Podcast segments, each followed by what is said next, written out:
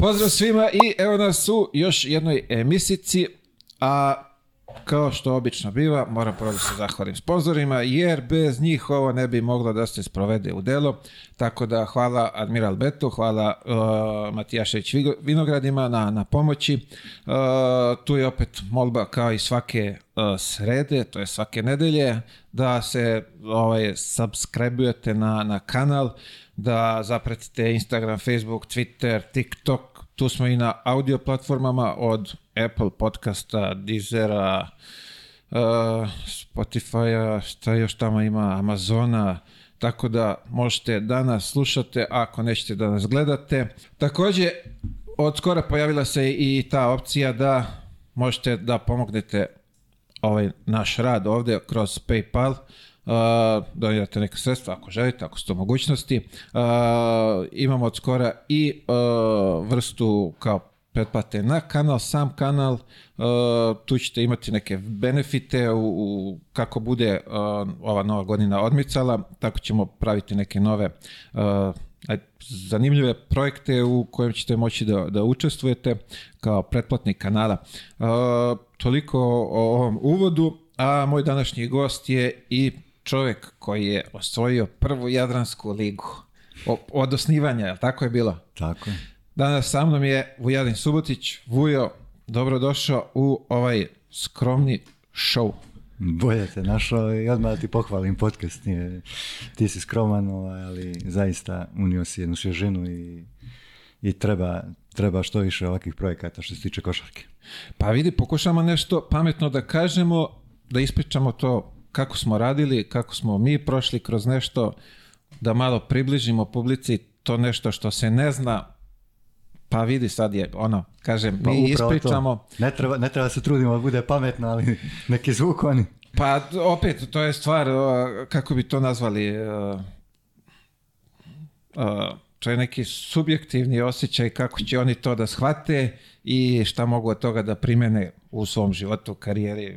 Ja uvek naglasim i biznisu jer pa ima nekih milion stvarčica koje mogu da se primene u, u njihovim životima da Ajde, makar da ne greše ko što smo mi grešili. Sigurno, da.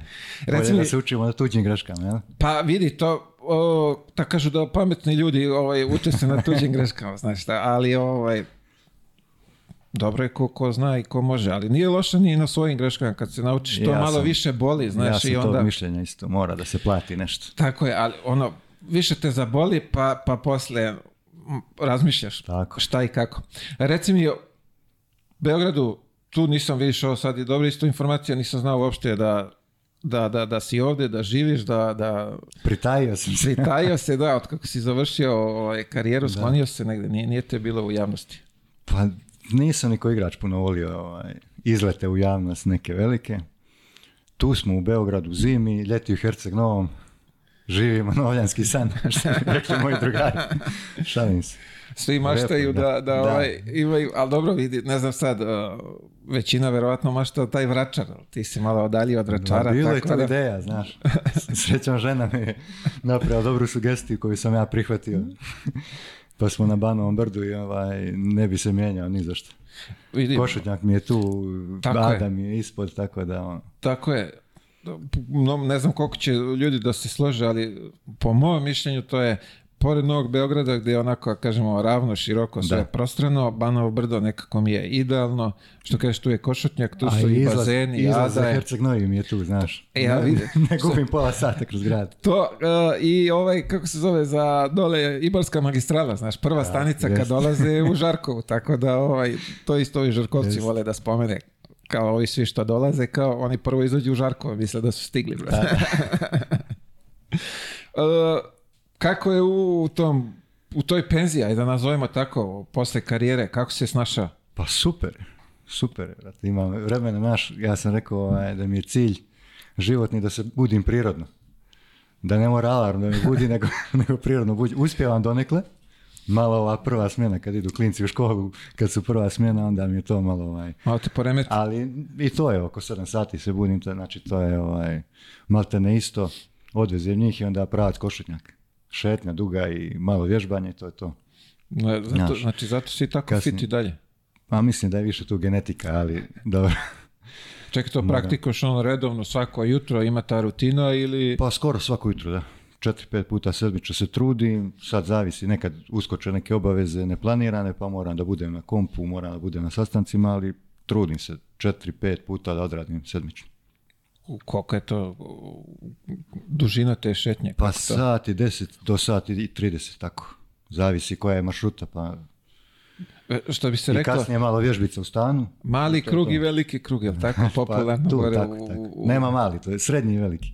Pa čekaj, ima onaj na, na, misliš, da, da, da, ima dole, kroz šumu odem, odem često, kad nije neko veliko blato i nešto, odem kroz šumu. Da, ovaj, Ma da mogu ti reći, ovo sad kako su napravili ovu malu stazicu, ono lepo su je sredili, šta god, koji ono odlično, ono odlično. podloga, materijal, šta je, ali izgleda ono, tartan, svetski. Tartan, da. Odlično je sad i terena ima za, za odbojku, za, za tenis, za košarku, za, za mali futbal, baš su fino to se sredili. E, pa vidi ovako, moje neko mišljenje malo su onako, što bi se reklo, ovaj, uzrup, Uzurpirali šumu. Uzurpirali, da, Pazi, ti tereni su bili od ja znam tu, ovi betonski, sad ne znam, naš. Pa nešto se malo, ono, kad god prođem, rekao bi da, da se nešto tu, se. tako da je pomalo da dodaju, ali okej, u prirodi su, lepo je gore sve, ono, pogotovo leti kad, upekne u gradu e, gore. E, sam u Hercegovom. E, tad. Pa viš to, čisto nam namestio Šta će? Ali je cupkaš kad krene ono škola da se završi i kad ćeš da kreneš? Ne pitaj. Prvi dan smo mi prvi dan kad se završi škola smo nizbrdo, što bi ja rekao. Ne, ne vadiš decu ranije da, da što prekrenete? Pa ne. Znaš sad već ovaj peti razred, ozbiljniji, ovaj stariji, onda naš malo je neozbiljno. Da, malo da se čekaju za pa neka nauči, da se neka nauči, znaš, disciplini nekoj. Pa dobro, lepo. I onda dole banja, pa, celo leto. Dole su moji roditelji, dole me brat sa svojom porodicom, dole su nam i drugari neki. Tako, imaju svoje društvo, kupaju se, uživaju, treniraju. Ja svoj, ja svoj džir, oni svoj džir i tako, ima vremena za svakog. Decu kod babe i dede i onda... Da, u kući smo svi, to je stara porodična kuća, A, onda smo tu sa njima i ono, svoja bašta, svoje, naš, imaju domaća hrana, što, što je više moguće, baba kuva i naš, ono, uživanje. A, reci mi, kako je sad ovako, kad spojiš taj, što bi ti rekao, novljanski ovaj, mnogo, je, mnogo je lijepo, da. Trudimo se i preko godine, odemo za, za uskrs, odemo naš. Kad, kad ja, ja sam, kad mogu, neke obaveze su me ovaj, vezivale, tako da ovaj, trudim se što više da, da provedem vremena i dole, ali eto, zbog škole i zbog obaveza u Beogradu ne mogu baš Jasno, da, vezani smo, što bi se rekla, pa da hvala Bogu, rastu, vezani smo tu, ne možemo nešto mnogo da, da se cimamo levo, desno, koliko bi Bitno je da čovjek bude zadovoljan sa tim što ima. Tako je, tako je, apsolutno, reci mi, jel ti dostaje trening, bandaža, putovanje? Bandaža, ne, zadnjih sezona sam igrao bez bandaže, mogu ti reći, u plitkim patikama, to su one kobijeve krenule i ne znam šta je poslije krenulo, to mi je mnogo odgovaralo, mogu ti kažem. Moje bandaže su mi bile onako ne znam, kao neki teret dodatni. Osjećaš I, da, I duboke patike. Kad su se pojavile plitke patike, uf, ja sam počeo da uživam onda. Ja e, vidiš, ja nikad nisam volio plitke patike. Ne znam zašto. Da, da li to ono, na psihičkom... Moguće. ili šta. Nekako ja ne, osjećam se bezbedno u plitkim patikama. Meni su mnogo, mnogo prijele. Koliko god ih je bilo lepih i udobnih i sve, ja sam voleo da je gore to oko zgloba nekako da, se stegne, da, da se utegne. Da, u stvari ti posle pa i bandaža, šta posle pola sata, već je ona kad krene znojena, mekša je već je to... Pa vidi, zavisi slabo. ko je steže. E, pa dobro. Zavisno ja, ko je uglavnom ne trpim to, znaš, da mi nešto steže, da mi roke ne mogu da nosim oko da, da, moram da, da imam neku slobodu. Pa mi smo imali ovog fizija, on je popularne gipsare pravio to, kad e, pa, zamota, bre, ne možeš Možeš da slomiš nogu, ne pa to, ne, da. bukvalno, da. Ali ja, pa je sad, ja razmišljam o tome, duboke patike imao i sjebo sam zglob da je to bilo i, i bandaž pa i sve. I... U mlađim danima isto. I na jednoj i na drugoj nozi to je bilo do kosti ono izvrtanje. U dubokim patikama. Čak i sa bandažom. Znači da nije do dubokih patika i do bandaže. Bolje po meni uraditi vježbice, ima to, sad je otišlo sve i tehnologija, da, da, treninga i sve je otišlo naprijed, hvala Bogu, tako da ovi klinici, na, ulošci recimo su jako bitni, da uradiš uloške po, po svom stopalu. Tako je, bravo. To, to je, vidi, kaj je to, ja mislim prvi put da se susreo s tim ulošcima 2000 prve, druge, Tako. jer e, sam imao nešto i neke vrntava stopala pa su mi predložili kod ovog tipa gore pa kod nas je tu Zvezda radi. Ono. Pra, Zvezda, da, kod njega, kod njega i od tad sam ono, završio sam karijeru ono, na, svojim da, ulošcima, tako. tako da uopšte nije i mogu ti reći ono, udobno i znači, Sigurno, ma sigurno. Pa vidi kad je priloženo nešto, ovaj, prilagođeno nešto tvojom stopalu bolje nego ona fabrika. Samo kvalitet što bi ja rekao. Tako je, tako je. Samo kvalitet, može sve, ali kvalitet. E, putovanja sa ekipom, malo ima da fali toga i... Ne, brate, to mi je, avion mi je ono, izbjega. Pa bolje nego busom. Ne, nisam se bojio i to, bojio leta i to ono naš, nego jednostavno više toliko putovanja, toliko ono, pogotovo kad si igrao dva put sedmično, ne znaš gdje si, šta si, još jedan, četiri sezone na Kipru, pa smo igrali od te četiri, ja mislim, dvije ili tri smo igrali Europu, a sa Kipra... Ja, konekcija... 17-18 sati gdje god da kreneš, znaš. Ako igraš sa Turskom, Kipar ispod Turske, a ne, možeš da letiš zbog njihovih odnosa političkih, da, i onda ideš... u Atinu. Pa Tina, pa Istanbul, pa onda, znaš, protiv Banvita, recimo, pa trajekt, bus pa trajekt do Banvita, do ove Bandirme. Pa, Naputovao sam se, tako da putovanja mi ne hvali u tom smislu nima. Viš, braje, totalno su zaboravio da ne može Kipar Turska da se... Ne lete, da. Ne lete direkt. Kako je to, šta je to, majko mila. Šta radi politika, ono, Eto. satrana sam. A, e, kako se zove, poslije karijere ti si, u, ajde kažemo, uključio se u ove menadžerske vode. Jesam. jesam sa Ivanom Mašaninom, drugarom prije svega, pa onda kolegom, partnerom, znamo se mi od malena još, on je bio u Partizanu kod Igora Kokoškova kao klinac, tako imali smo i nekih i treninga i međusobnih ovaj, duela. Kasnije je bio i, i agent, menadžer zadnje moje 3-4 sezone i kroz tu priču već ja sam bio svjestan da polako završavam. On je od, 2008. u tom poslu, došao je do tog momenta da mu treba neko od povjerenja da, da ga rastereti malo, da malo proširi tu priču. I tako se poklopilo da ja krenem sa njim. Nisam to ni planirao da idem u te vode, niti sam ovaj, nešto sad maštao ili pripremao se za taj poziv, ali eto tako se namjestilo i prija mi, ali mislim da mi prija zbog toga što sam odabrao baš takvu agenciju, takvog, takvog ovaj, partnera ovaj, poslovnog, da imamo dobar odnos, eh, razgovaramo, nema tu sad nekog poslovnog gazda zaposleni ili ne znam da, šta. Prema ono. svima se on, prema svima se on ovaj, odnosi fair, fair i korektno, čak na svoju štetu, tako da ovaj, lako mi je bilo da, da uđem sa njim u, u tu priču. Da je neka druga agencija, ne vjerujem da bi baš ulazio u to. Inače su mene projektovali svi kao trenera, ti ćeš za trenera poslije karijere. si vidio sebe u tim trenerskim? Pa vidio sam se što se tiče, što se tiče samog posla, ali odbilo me najviše što ne mogu da budem sa porodicom, ne bi, znaš, pazi, trenerski poziv, znaš i sam, ti kao igrač misliš o sebi.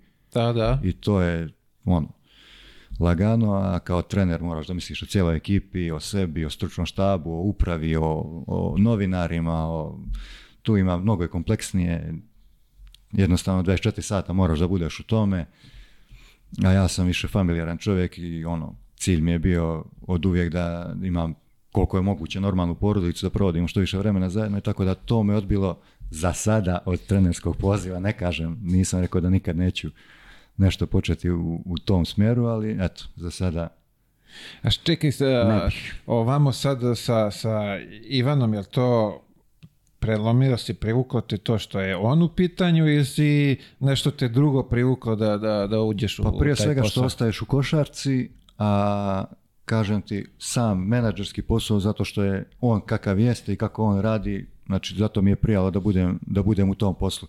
Da li bi sam nekad krenuo to ili, da li bi se priključio nekoj drugoj agenciji, teško.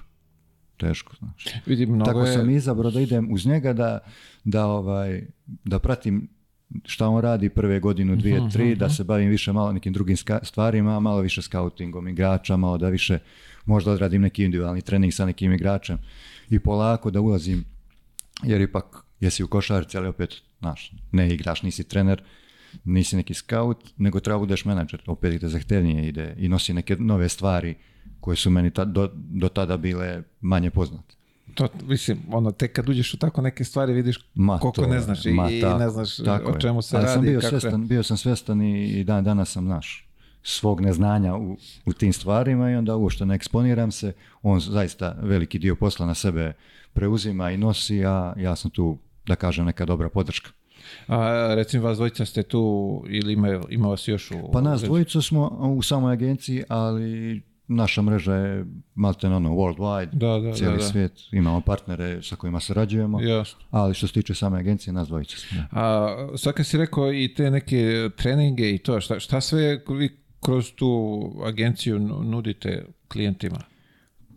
E, nije nam to, što bi se reklo, ovaj, ne prodajemo priču tako da, da nudimo ti sad individualni trening, ali ako nekom zatreba imamo, imamo ovaj, sve pokriveno, malte Mojih 20 godina u skoro 20 sezona u profesionalnih, suda po svijetu, njegov već od 2008. ta ozbiljan rad, došli, naš, došli smo do ja velikog broja kontakata koji, na koje možemo da se ono pozovemo, obratimo im se za neku pomoć kad nam je potrebno. Tako da ako se nađe neki igrač iz naše agencije u Beogradu, da mu treba rehabilitacija, da mu treba oporavak, da mu treba rad sa trenerom individualno, košarkaški, kondicionalno, bilo kako možemo da organizujemo vrlo mhm, lako. Mhm, mhm. Znači nemamo sad na platnom spisku, nemamo cijeli, tim, ljudi, ali dešava se da, moramo da radimo razne stvari neke naš, da budemo podrška u dosta stvari koje nisu vezane toliko za teren Jasno, jasno, jasno. reci mi, ti si ovdje, na, što bi se reklo, na lokalu ili ideš i preko negdje? Ma i preko, uglavnom smo preko. Uglavnom preko, ovaj, sarađujemo sa klubovima preko, jer kod nas znaš i sam, ajde Jadranska liga, ok, donekle, ali ove lige, da kažemo nacionalne, sve je to, ako možemo nekome da pomognem, iskreno da budem, gledamo i to, znaš, sa nekim igračem, koje, mogu da priušte ili nešto tako, ali da se zasniva ovaj, posao i, i život same agencije na, na klubovima sa celog, iz cijelog regiona jako teško. Jako teško bi to moglo da funkcioniše. Prije svega financijski, normalno. naravno, znači. naravno. Ovdje, mislim, ja verujem da je svugde, ali ovdje nekako to izraženije pa koliko para, toliko muzike, kako na što ti je sve tako, viš, koliki je standard, kolike su plate, sve to se naslanja na sport. Kapiram, Znaš. kapiram. A, kako se zove, koliko su ti pomogli tvoji kontakti e, koje si u, ostvario u karijeri da sad tu mrežu širiš i da to poslovanje možda pa bude kvalitetno? Tako sam i sagledao, da vidim, ajde sad, zašto bi ja, kako bi ja mogao da pomognem Ivanu, agenciji, kako da se uključim, šta, šta će da dobije od mene, da li imam kontakt, imam, ajde, kreni, da zoveš, kreni da objašnjavaš ljudima čime si počeo se baviš, naš kako to funkcioniš, onda je bilo svakakvih tu. Znaš, imaš neko ko se oduševi, kaže super, mislim da ćeš ti biti baš super u tome. Neko te ono, cancel, znaš, ne, ne javi ti se, pa ono, kao kad te sretne, e, ja zaboravim, znaš, bilo je sve. da, da, Ali da, pomogli su mi najviše, najviše kontakti. Pa, s obzirom, što bi se reklo, gde si sve igrao, I na, i na svim nivoima, znaš. Ja sam prošao i Euroligu, i Eurocup, i FIBA Euro i nacionalne lige, Jadransku ligu, nekoliko država, znaš, što, što se kaže, i male i velike klubove sam prošao, u smislu organizacije, znaš, i svega nivoa takmičenja kojeg igraju, tako da da je značilo mi. Pa imao si, što bi se reklo, dobru osnovu za, za početak. Mislim da si se, ne znam, pazi oko, ne znam, ali verujem da si se dobro snašao, bar iz priče, da, da dobro, funkcioniše kako treba. Znaš, za ti dana uvijek može bolje i to. ali, da. ali ne, zadovoljan sam, znaš. Ono ko sam ti rekao, krenuo sam jednim ritmom e, da vidim, prvo da vidim o čemu se tu radi, pa onda polako bit će vremena, jer ovaj posao nije kao igrački, imaš do 30, 35 i kao da, da. možeš da radiš na duge staze i to je neki cilj. Što bi se reklo, do penzije? Do penzije. Ali one, one starostne, znaš, e, imate vi u agenciji, ajde kažemo, neke talentovane momke, da imaju onako... Da Misliš, mlađe, mlađe, talentovane, da, da što bi se da. imaju neku perspektivnu budućnost. Pa vidiš, sad o tome razmišljamo, pogotovo zadnjih godina, ovaj, kako sam ja malo više uzeo maha, nije samo ti si menadžer pa samo naš, imaš sad igrača, mu klub i to je to. Ima dosta segmenata, ima upravo to što si pitao, mladi, recimo sad mladi sa 13-14 godina već imaju menadžere, jure, da ćemo da idemo u tom smjeru. Da ćemo da idemo u smjeru da imamo samo seniore. Da ćemo da imamo i ženske igrače, na, mislim, naravno, ovaj, da, da se širimo u tom. Ima dosta segmenata, trudimo se da osvježimo agenciju što se tiče klijenata, da, ovaj, jer sa nama su klijenti minimum pet godina, ono, i posle da li završe karijeru ili to ide nekim, znaš, u nekim, idu u neke manje klubove ili ostaju u nekoj ligi, u nekom klubu gdje mi više i ne moramo završavati poslove. Tako da ovaj, dešava se da, da ovaj, moram da osvežimo sa novim klijentima, sa mlađim. I upravo je, upravo je to jedan, jedan detalj koji sad razmatramo, koji sad ovaj, gledamo kako se uključimo da budemo podrška i mlađim igračima, mhm, mhm. ali je jako osjetljivo, jer je velika, mislim, puna odgovornost je na nama, a znaš i dobro ti kad pošalješ nekog u inostranstvu u mlađim kategorijama, to ti je mač sa dvije oštrice, tam, nema nemaš i toliki kako on tamo trenira, koliko je posvećen tamo, znaš, ipak mora što je dijete bez roditelja u inostranstvu, šta jede, kako je, znaš, i, malo nam je to sad, to nam je, ovaj, da kažem, ovaj, tačka jedna gdje razmatramo kako bi, kako bi mogli da se uključimo u taj segment, jer zaista znam po sebi i na taj način sam i pristupio agenciji da svo ovo iskustvo pokušam da prenesem na igrače, a ne sad nešto kao ti si menadžer pa kao ajde trguješ igračima i šta znam, znaš. I ovaj, zaista pokušavamo da nađemo neki, neki modus da, da pomognemo tim mladim igračima, da ih savjetujemo. Tu imaš opet i roditelje koji da li neki razumi, da li su iz sporta, da, li nisu, da, znaš, ti nema objašnjava ono što mora tako da ide. Trudimo se uvijek da kažemo onako kako jeste i šta mislimo i kako, kako treba da, da idu kroz tu karijeru. E sad, to su ti sve, znaš, stvari na koje mi obraćamo pažnju da, do, prije nego što uđemo u taj da kažem, segment, segment posla. Tako da ima mlađih, ali nisu to sad, nisu to sad maloljetni igrači, imamo, imamo par nekih koje pratimo, ne bi sada iznosim imena, ni radi njih, ni radi sebe, ali pomalo gledamo, gledamo ovaj, da pomažemo i mlađim. Pa super, super. Mislim, drago mi je da, da to, aj e, kažemo, ide u tom pravcu u kom, kom vi želite. Koji je broj tih uh, igrača? Koji pa u agenciji, kad sam ja došao, bilo je oko 50 i to se vrti uvijek je oko 45-50, da ne bi upravo, da bi održali kvalitet da e, ne, ne volimo da širimo, aha, pa dobro, da. Ima tu, Mislim, teško je postići, ako imaš veliki teško. broj, to je glavobolje. Teško, mi se trudimo da do svakog igrača dođemo, makar jednom u sezoni, da ga obiđemo, da, znaš, da, da ga posjetimo, pa onda da posjetiš upravo do klubova, do trenere, da, dok, znaš, da, opet kad se vidiš, kad dođeš, kad se pojaviš, kad se vidiš u s nekim drugčije, nego da završaš telefonom ili mailom neke stvari, znaš. Moraš da izgradiš i povjerenje i... Tako je, uvijek je lepše Tako kad da ne širimo broj igrača, vrlo često odbijamo, odbijamo neke igrače koje, koji, od kojih bi mogli sigurno da zaradimo, ali baš zbog tog zadržavanja kvaliteta ne želimo da se upuštamo u neku preveliku priču. Jasno. Jeste se bazirali samo na ovdje naše igrače ili imate i neke inostrane? Nismo, imamo, imamo, imamo Imamo iz regiona, imamo iz Srbije najviše, naravno, imamo iz regiona, Crna Gora, e, Hrvatska, imamo i ovaj Amerikance. Naš, nismo uopšte vezani, baza nam je tu, ali nismo vezani. Odlično. Samo za Srbiju. Znači, to je neki pa kažemo 50 destinacija ovaj, u, toku sezone koje moraju da se obiđu. Pa ima dosta, ima da. Pa pa nekad moraš, moraš da održavaš i one desi se da, da, ti ne uzme svake godine neki klub igrača, a moraš da ga posjetiš, znaš. Da, da, da, da, da. ili prijateljskih ili poslovnih ovih odnosa, tako da. A to je to opet, to je... Skupi se putovanja tu dosta. Jasno da, ali to je isto um, gradiš neki ajde i odnos tim ljudima i gradiš neko povjerenje i kredibilitet te agencije i svega ostalog, tako da. Pa i kao kad sam bio igrač, znaš, zato sam i mogao da, da se okrenem tim kontaktima kasnije, zato što sam ono, uvijek se ponašao što kažeš ti, gradio si neki odnos normalan kao što bi gradio sa svakim, ne, a ne iz neke eventualne koristi ili interesa. Jasno. Tako da... Pa dobro, super, vidim, želim ti, što se kaže, dalji uspeh u, u, u tom poslu, da. Ovaj, sad ćemo malo da se bacimo na tvoje odrastanje, da vidimo gdje si ti to odrastao, kako to izgledalo, kako si zavoleo košarku. Pa došlo je prirodno, što se tiče košarke, otac mi je igrao prvu ligu 70. godina, početku 70. u Rabotničkom iz Skoplja.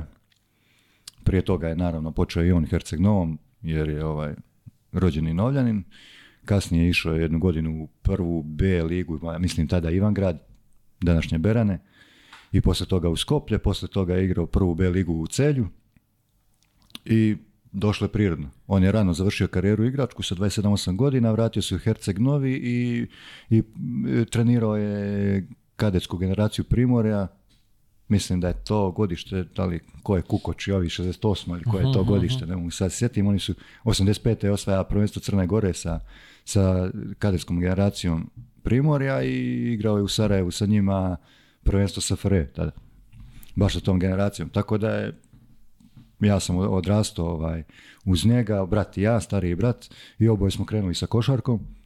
Naravno, škola nije, nije smjela da se zapostavi ovaj, u prelijepom Herceg Novom, šta ti kažem, još tada, dok nije bilo ovih ludila od telefona, interneta, e, nije se gradilo toliko, znaš, bila je ono pitomina neka, što mi kaže.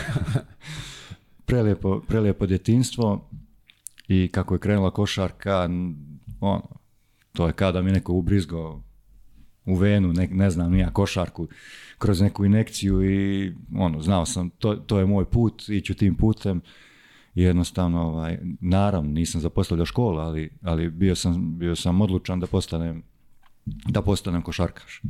Kako izgleda taj prvi trening, se sećaš toga? Mislim, ajde, bio, si, bio s loptom ali, non stop, kapiram da ona lopta ti je bila tu. Pa velika terasa ispred kuće, gdje smo naravno kasnije stavili koš kad smo krenuli da, da treniramo, a ispod kuće na 40-50 metara teren od stare škole. I tu bi se kao djeca igrali, naš, prirodno je da, prirodno je da, da, krenem, da krenem tako. Prvog treninga se ne sjećam, ali znam da je bilo sa ocem, naravno.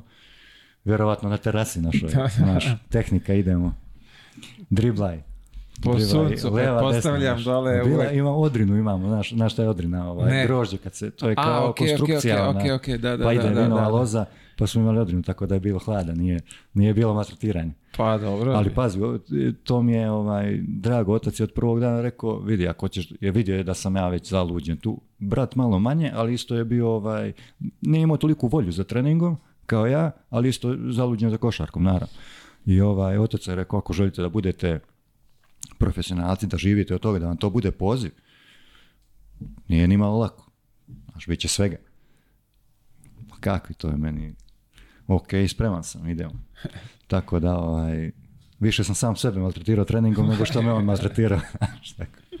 ovaj, kako zove, a si nešto u tom momentu? Ajde, Čale, kapiram, bio je verovatno u uzoru u kući, kako to sve, ali imao si verovatno neke malo veće igrače. Kako ne, pazi, to je kraj 80-ih, početak 90-ih, to ti je ono, NBA si mogao da vidiš ako se sjećaš na vijestima, ovaj, puste 10 sekundi, znaš. Ne sjećam se, pošto sam ja odrastao, odrastao sam u, tako je, mlađi sam, a odrastao sam u, tamo u, Bosni, to jest u Republici Srpskoj, gdje je ovaj, imao si jedan, u stvari imali smo dva programa, mislim, imao si Sarajevo i onaj Beograd, Pa dobro, nismo e. mi bili, pazi da, da imali nešto više. Pa ne znam, ali a vi ste vatali italijanske kanale. E, to jesmo, da. ali nije tamo bilo sport. Ne, tamo su crtani bili dobri dok smo bili još manji i naš ljeti, ono, pa vataš kad je lepo vrijeme, onda možeš da uhvatiš i ove preko ovih antena. Na riblju kost. Da, privatne kanale. Kako privatne? privatni italijanski, znaš. Oni su imali nacionalno ono, raju tre, a imaš okay, ovih privatnih TV stanica. I oni su dali dobre crtače, ono, to smo onda jurili ko klinci na raspustu, to je da gledamo. Dok, nije počela, dok nije počela košarka. Pa dobro, poslije lopta pod mišku i na terenu. Ma, da, cijeli dan smo bili na terenu, to E, to što kažeš, dole na Karači, to je kultni teren u starom gradu, o, ma to je kasnije, cijeli dan. Ako nešto skočiš kući da pojedeš, a nema tolike ladovine, ma ništa, da nama nije smetalo, ništa, kakvi. Samo loptica? i cepa. Ma samo, samo cepa. Što bi rekli, sad ove ne možeš istaraš iz kuće i da od, od, od, od ovih novih tehnologija. Da. A dobro, tako vreme, šta da radimo, moramo se... Ali moramo se borimo nekako, znaš. Pa i vi... Ne smiješ da im ukineš, ali... Tako je, da. Dobro je ova stvar što imaš no, da, da ograničiš.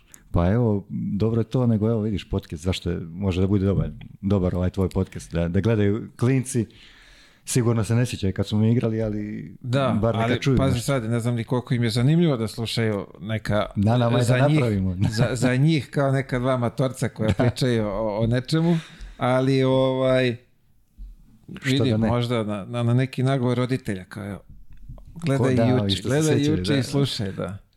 Pa vidi, tada u to vreme nije bilo. Ja sećam, uh, čekaš, ja mislim, ponedeljak, kupiš žurnal, da. I u žurnalu su rezultati. Da. I samo tu što imaš da pročitaš. Nije, nije, bilo koliko se, koliko se ja sećam. To je nešto čega se ja sećam. se i tempo. Imali smo onaj tempo, znaš. Tempo, pa- sport, sport žurnal kao dnevni i tempo izlazi. Tako ono je, i, znaš, i onda ako izbace neki poster u tempu, pa da, to je bilo, vadi pa da, i ono srednje pa izlepljeno. To će, pa i kod mene isto u sobi sve, je bilo ono izbušeno, polepljeno, sve. Ali mislim da smo zato više imali, veću želju imali, jer naš, kad je sve dostupno, šta te da zanima, znaš? Pretpostavljam, da. A mi smo goreli, kažem ti to kad vidim Jordana kad sam vidio bre, na, na TV u, u, u nekom dnevniku, oni kao naš isekli 10 sekundi, ne Ma, I on leti. To. Gotovo, da. To je. Ti 10 sekundi A, on leti. Da, da, to je, ludilo je bilo. Ludilo. Carski. Ovaj, tu si znači sa Čaletom to sve, ti Čale je Burazer. Tako je i onda, mislim, možda smo godinu, dvije dana ovaj, kao nešto, ajde treniramo kao sami i onda, i onda smo se opet se aktivirao košarkaški klub Primore po pitanju mlađih kategorija. Opet pozovu mog oca i tako krenemo ovaj, tako krenemo i brat ja sa njim u Primorju da, da igramo. Pion, ono, mlađi pioniri, pioniri, kadeti, to je, to je bio taj uzrast. Kako izgleda da kad te otac trenira? Pa dobro, znaš, on ima tu harizmu i, i njega su te ranije generacije, ono, gledaju ga, ja sam mnogo volio borilačke vještine kao klinat, znaš, i onda ono, master, sifu i to, znaš, gledaju učitelja kao Bruce Lee, kao gleda nekog, e tako su, recimo, takav odnos su imali igrači sa mojim ocem, znaš, oni su, druže se i dan danas iz tih ranijih generacija, oni se sretnu na kafi, pričaju, druže se, zezaju se, znaš, imaju baš, znam dosta slučajeva gdje su, kad je moj otac odlazio iz Primora, da su prekidali, prekidali da treniraju to su već momci sa 15 godina koji su možda mogli da budu nešto, znaš, već su i talentovani, ma ne, nije on trener, gotovo, izgubili su volju. To je taj, taj neki odnos, on je mnogo strog, nije on, da se razumijemo, nije on sad neki, znaš, pa kao da ih mazi, pazi, nego vrlo strog, ali pravedan i ima neku harizmu, ima, naš, što je pokojnjaca Nikolić profesor govorio, ima ono, ono. za igrača, šta je to ono, e pa ima ono ali da ti ovaj ono, ono šta je ono, to moramo... Ne, ono to nema definicija za to. Tako je. Imao si neke, ovaj, ali kažemo, privilegije kod njega mm, ili... Naproti, naproti. Bilo još gore? Naproti. Ti mora... Da, ja sam mora budem 200% ako je neko 100. Uvek tako deluje mi da se slomi na, na toj deci, To je pa dobro, mislim, ali vidi, možda mi je to i pomoglo. Jasno. Znaš, nije on mene maltretirao, daleko od toga, znaš, da, bi puna podrška uvijek ali uvijek mi je govorio kako ovako treba, tvoj je izbor. Hoćeš, nećeš. Nije, nisam imao prostora da bude neki šaljeđ, ja se zezam nešto, eto, to je, to je znači moralo je da se odradi to što treba se odradi. Ali kažem ti, ja sam ostao i posle sam i, i trenirao sam više nego što, znaš, maltretirao sam više sam sebe nego, nego što je... rekao neka dobra sine, odmori malo. Ajde u kuću, Nije, nije nikad, vidiš, to je, možda i tako vrijeme, to su zadnji oni obrisi vremena kada naš mogli smo da izađemo iz kuće i ono, znaju si, Herceg Novi još mali, mali grad, znaju te svi, naš, ne brinu roditelja danas. A čuješ samo kad, kad zovu na ručak? Pa to, to. Da, kako te već zovu i to je znak. da. Pod mišku, ajmo da ručamo pa ćemo se vratiti. Tako. Pa i kod mene isto to je bilo, pošto je ono malo sela, znaš, i samo čuješ tamo. Majka je ukapirala na vrijeme, vidjela je, prepoznala je, znaš prepoznala da smo mi zaluđeni za košarkom i ajde šta je. A pa mislim, ali u tom momentu samo si, mislim, mogu si sport ili ne, nemam pojma, neka kultura, ne, neka da budeš u nekom bendu, ne, znam. Probao sam ja i muzičku kad se krenuo prvi osnovni, ali nisam se ni upisao. na sreću. to je, to je bilo na njihovu preporuku i si sam insistirao. Ma ja, ma da, ja obožavam muziku i onda, znaš, mislio sam da mogu i... Šta si, šta da. si htjela da budeš? Bubnjer? kako si znao čovječ, to mi je bio omiljeni, ali, ali htio sam da upišem gitaru jer nije bilo, iako je Dragoljub pokojni Đurić to iz Herceg Novog, ali on je bio već u Beogradu i tad je bila ono muzička škola, ćeš gitaru ili klavir, ono nemam pojma naš. Da, da, nema. Ne, nema biranja tu puno. Pa, to je, viš sad opet, koliko je dobro kad si u nekoj maloj sredini, znaš, tu si kao, siguran si, miran si, toliko u tim malim sredinama i, hvali, fali nekih ti stvari da, da bi... Ma da i ne, vjerujem. Ma, znaš, ima tu i pozorište, ima tu i bioskop, ima i sport imaš, vaterpolo, košarka, futbal, sve imaš tu. Ne hvalite tu ništa. Vjerujem. Pravo, oni su dole, bre, vaterpolo je kido, Kako ne, pa Jadran, da. E, to radi, mislim, funkcioniše i dalje ili? Kako ne. A klub? Primorka? Primorje. Primorje? Primorka iz Bara. Primorje funkcioniše, da, igraju sad, evo, zadnjih godina su tu, sredina tabele. Crnogorska liga. Da. Znaš, svi bi sad, dobro još pojavila se ABA 2 i onda, znaš, to gledaju svi kao neki cilj, ali opet teško, znaš, imaš, imaš pa- dosta klubova koji su na tom rangu, treba da se upadne tu. A... Ali imaju sad fine uslove, znaš, fine uslove i može tu da, da, bude, može tu da bude neki uspjeh. Znači ti kažem, mala je sredina, nemaš ni toliko dece da bi moglo Ma, evo Ti, ali vidi ovo, nabrojiš igrača kako hoćeš iz Herceg Novog. Samo iz Herceg a gdje ti je možda tu okolina Trebinje, ne znam, Kotor, cijela Boka Kotors, kako bi, do, ko bi došao u Herceg Novi da igra, jer ima možda najbolji uslov, vjerojatno i ima. Sada sa novom salom, dobrim parketom, konačno, znaš. Evo sad, aj kad si rekao koliko dobrih, evo ja znam dvojicu iz... Pazi, imaš, i ti imaš, si treći. Imaš i od starih tih iz generacije, evo ti od, od mog oca, koji je igrao prvu ligu tada, 12 klubova sve SFRJ, znaš, to je bilo ozbiljan uspjeh da igraš prvu ligu. Tu imaš Vasiljevića, Kovačevića i mog, mog oca. Sva trojica su igrali u Rabotničkom, svi iz Herceg Novog. uh Kovačević bio, bio na, na pragu reprezentacije, to je 70. godina. Bio među tri, četiri strelca prve lige. Znači. Kom Kovačević pričaš? Marinko Kovačević. On je sad, on je trener u Herceg Novom isto, aha, kategorija i imao je svoje škole košarke i tako. Ne, mislim, jedino da si sad pratio, ne znam, da ti je neko to, da, to dobro, generacije, da, 70-ih znaš. je starije Njih trojica, pa onda imaš Piksija Subotića koji je posle njih 6-7 godina, bravo, opet bio na pragu reprezentacije, opet iz Herceg Novog, baš iz Herceg Novog. Da. Kasnije imaš Dušana Sučevića koji je igrao prvu ligu, Koga je Dušan Sučević. Vučević. Sučević. Sučević. Da, da, da. Ne, to igraju je u baru na Cetinju, igraju okay. ozbiljna, ozbiljna nešto na forumu Mijajla Grušanovića, ta aha, četvorkica, aha. ono, prgava, da ti da 30 na lagano. Igro je naš prvu ligu tada kad je ono bilo. Mislim da je bio u Borovici kasnije, ono. Ok, ok, ok, da. Onda kasnije kreću ove mlađe generacije, imamo Čića Radojevića koji je, prvi Njega da, NBA, je. NBA ovaj, onda imamo Peđu Saovića, imamo Bobana Saovića, dva brata, Peđa je. igrao NBA, Boban opet igra na Ohio Final Four, je, da li su i osvojili, ne mogu sjetim, koleđ. Pa ne, ne znam. Ali igra je Final Four sigurno sa Ohio. Kasnije je došao Partizan, nešto Francuska, nije, nije imao možda te ovaj, taj voljni moment da bude... Znaš, Jasno, ali evo ga sad i u trenerskoj karijeri. Jeste, jeste, u Francuskoj, da. da, da. Onda kasnije, kasnije ko je još tu... Dolazi ova generacija tvoja. Pa dobro, iz moje... 80 posle, posle Posle mene tu malo je bio Nešo Mijatović otišao u budućnost, šta je još tu bilo? Ne mogu sad, ne bi nekog da, da da, ali... bilo je momak, naš kasnije. Dobro, nije, nije na tom nivou, ali opet to imaš, imaš ni, znaš, nije to slučajno, imaš neke da, to podneblje, može da da, može da da dobre talente, ali hvali sistemski rad, hvali naš, hvali toga da, da djeca ne idu sa 14 godina napolje.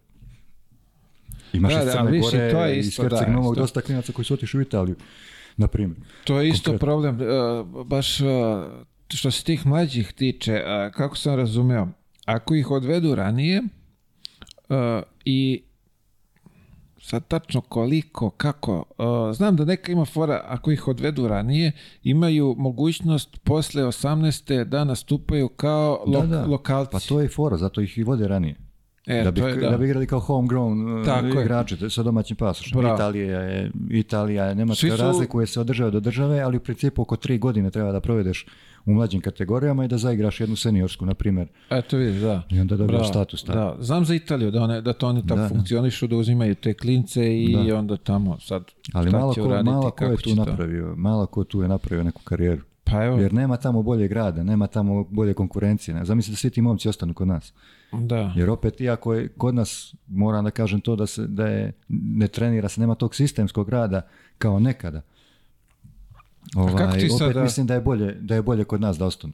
Kako ti sad da objasniš tim roditeljima da, da je bolje da ostanu ovdje nego da idu u Italiju da bi... Pa evo sad ću ti reći, ja se ono, malte ne svakodnevno susrećem s tim, jer mhm. znaju da sam počeo da se bavim ovim i kao sad ajde možemo da pošaljemo klince. nekom pa Rekao, ljudi, zašto da ga šaljete?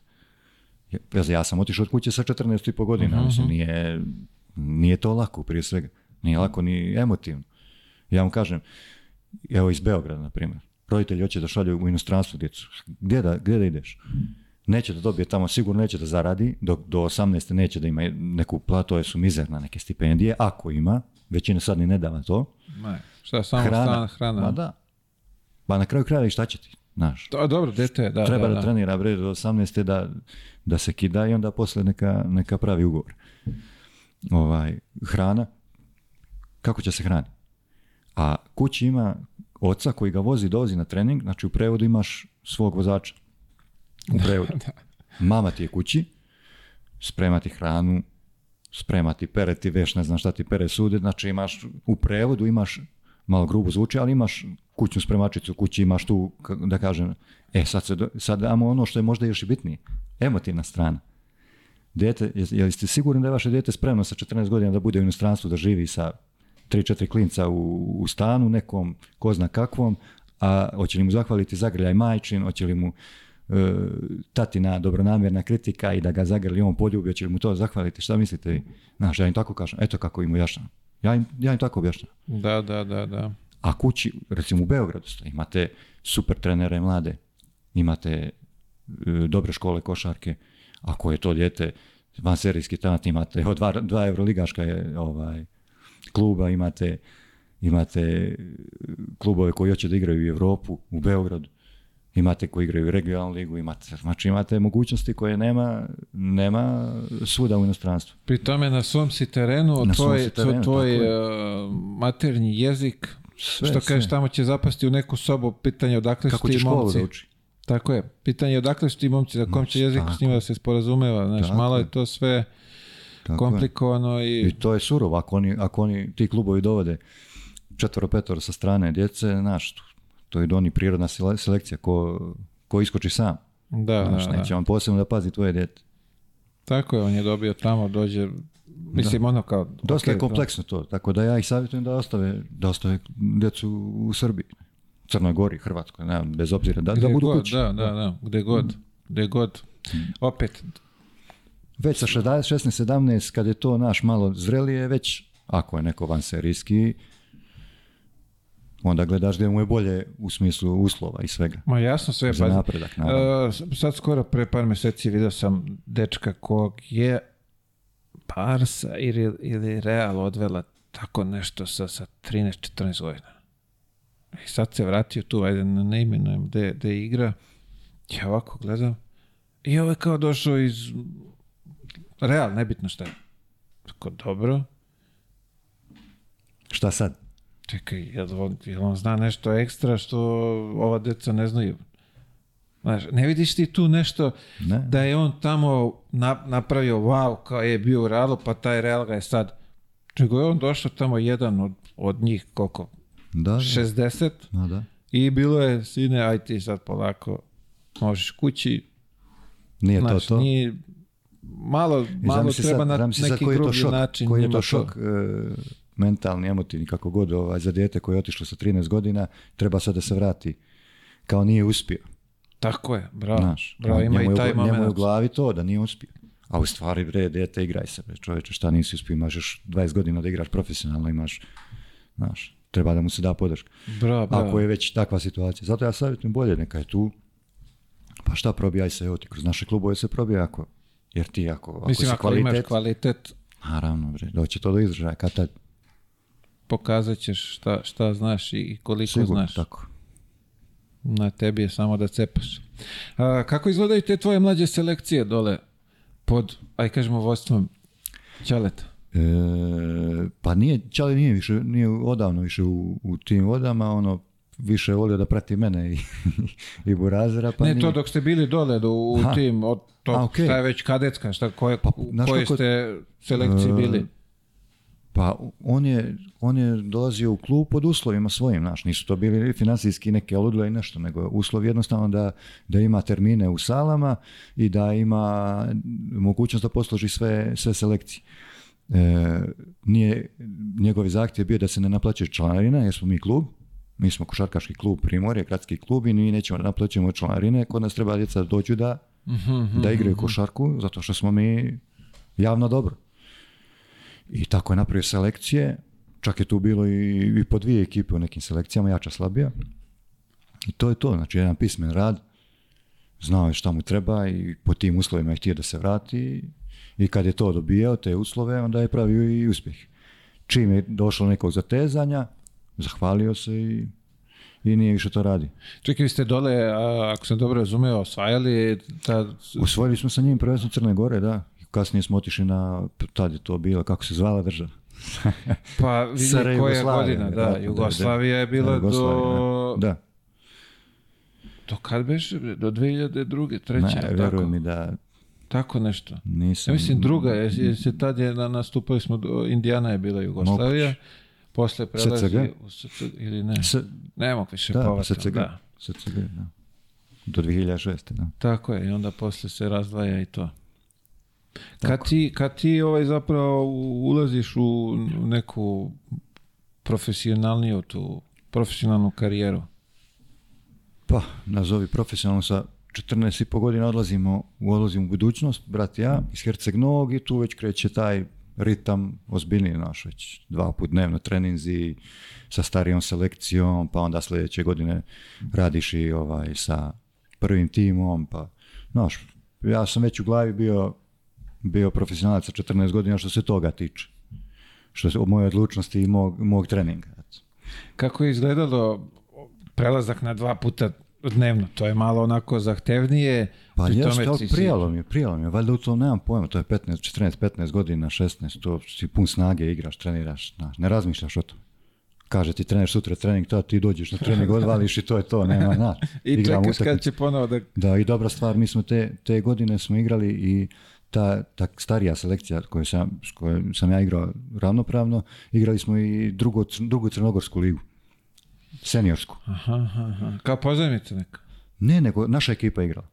Registrovali su našu kompletnu ekipu, mi smo igrali, to, to nam je značilo puno. Na kaljenje, što bi se reklo sa starima. igraš, da, igraš seniorsku ligu, bukvalno, to su ono stari mački, znaš, to je sa basketa namazani, treba da ih dobiješ.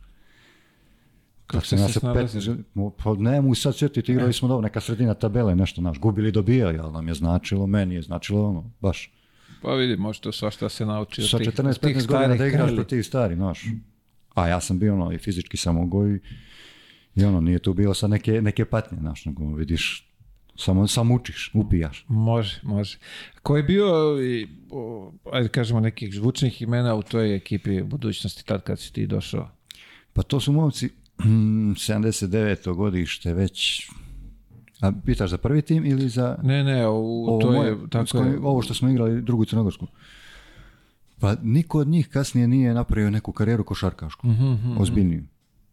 Ali ta, u tom momentu to su bili najtalentovaniji momci, većina najtalentovanijih ovaj, iz Crne Gore, gdje je budućnost tada krenula u neki projekat da, da bude, da dominira, da dominira prvo Crnom pa da proba da osvoji, mhm, mhm, mhm. osvoji i državno, državno prvenstvo. Znači oni su okupili, okupili 15 da kažem, da kažem momaka iz raznih krajeva Crne Gore, iz raznih gradova koji su najtalentovaniji bili i koji su htjeli da dođu tu. Obavezno morali su da budu visoki. Pošto ja sećam ovdje kad god je završni turniri, ekipa budućnosti kad se pojavila da, to sve po, po dva, po dva i to, je, to pa to ti je genetika neka, znaš, dole. Pa znam, ali ne, vidi, ja to razumijem, ali budućnost kad dođe, znaš, još onako nekako bili su ono lepo uniformisani, znaš, imali su one, one lepe vedre boje, što bi se reklo. Jako plava ona. Ono. Pa kad izađu, ti ovako gledaš, kao je moguće, vidi kako su ono, kao... Bilo je dobro. U tom smislu druženja i igranja bilo je, bilo je kasnije Mislim, ostaje neki žal, dosta momaka su oni povukli, ali niko, niko nije neku pravu pažnju dobio po meni, niko nije izbačen. Kasnije tu imaš i dosta i mlađih, i Blagota, recimo sa mnom Blagota Sekulić, pa onda kasnije mlađi Bojan Bakić, pa onda od starijih Balša Radunović, mhm, recimo. Mhm, mhm. Niko tu nije dobio neku priliku da zaigra, naš, pogotovo tih, imao si dosta momaka iz Podgorice baš koji bi, koji, kojima bi bilo, nažalno igraš u svom gradu, da si zaigrao za prvi tim, pa da igraš, ne znam, nija, osvajaš sa njima. Po meni niko nije dobio tu, tu pravu šansu i nije izguran, ispoštovan. Pa, e, pazi, kad toliko. već spominješ to, evo ti ovdje isto primjer u, Beogradu. Či ova tri, četiri kluba koje su iz Beograda, oni navuku svu talentovnu decu u svoje ekipe. Centralizacija. E, i poslije, što ti kažeš, ne budu ispoštovana. Nemoguće da svi oni dobiju ravnopravnu minutažu da, može svako tu nešto da pokaže. Znači, koliko god ti bio talentovan, ako ti nakupiš još Tako. deset talentovanih igrača... ipak pričamo, ovaj, javno da nas ne razumiju pogrešno, nemam ja ništa protiv, naravno i treba da se dovode deca ako su talentovana u u, u, ovaj, u neku bolju sredinu, bolji klub, da napredu Jasno, da, ali ne pa treba ali 12 da bude u jednoj ekipi. Je, Daj malo, znaš, nek, bude, Kao nek budu četvorica. Ne, ne dovodiš u pa- reprezentaciju sve na, 12 najboljih igrača, nego dovodiš, praviš tim. Ja mislim da tako se tu mnogo, mnogo dece, ono, da se na njima tad Sigur, slomi, da, da se gu, gube i pa, da... Pogotovo taj period iz juniora u seniora, znaš, kad, znaš i sam kako to. Teško je, teško je da, da, da se snađe neko da odigra da odigra prve te dvije, tri sezone seniorske dobro, pa da onda može da napravi neku karijeru, nego se dosta njih i pogubi, znaš, a bili su neki talenti, kada kažeš, ono, možda iz NBA, ko zna. Da, da. Kako Zato Dobra je Amerika, sad izvinim što te prekidam, jer ima taj koleđ, četiri godine si tamo, amaterska je košarka i dalje, ali ti imaš dobar trening, dobar, dobar si ovaj, e, imaš školu, prije svega završiš, završiš školu, imaš diplomu i imaš dobar sistem četiri godine i onda sa 22, 3, sad i, i 4 silaziš sa koleđa i krećeš, već si ti sazreo, već si Znaš, drugčije je to nego sa 18 kad ti treba da 18, 19, 20, 21, 2, šta da naš. gdje da igraš čovjek.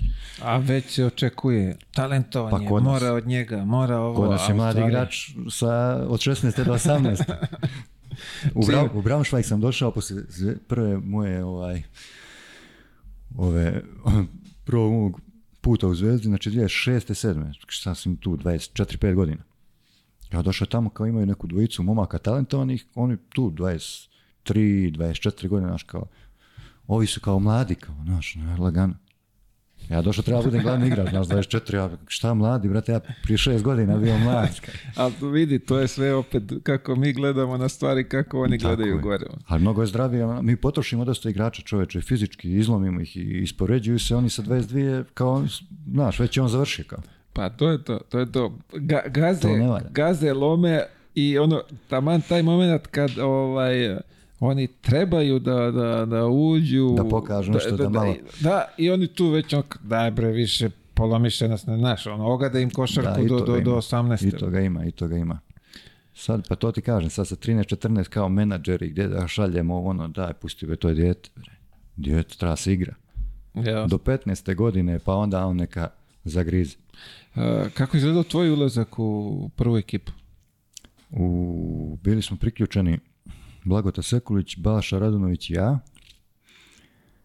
I Muta Nikolić je bio prvi trener, a sad nam utačno kažem, ali nekako, mislim da je već krenula sezona ili pripre, nešto se desilo, onda su, e, onda su potpisali Duleta Vojoševića kao savjetnika i da radi s nama a onda ti je izgledalo tako da odradiš... Čekaj, e, Dule savjetnik, a Muta prvi trener? Pa Muta je bio prvi trener, mislim, Muta je ono, i, ima i karakteran i sve, on je bio prvi trener. I, ne, ne, ne, nego viš taj moment... Dule tada kao da, da, radi sa mladim, više, više naš, i, kao savjetnik. On je bio sa prvim timom i sve, okay, ali okay. da smo mi ostali sa njim radili individualno i sve. Aha, I pakleno je bilo, mogu da ti kažem, da, da smo radili muški.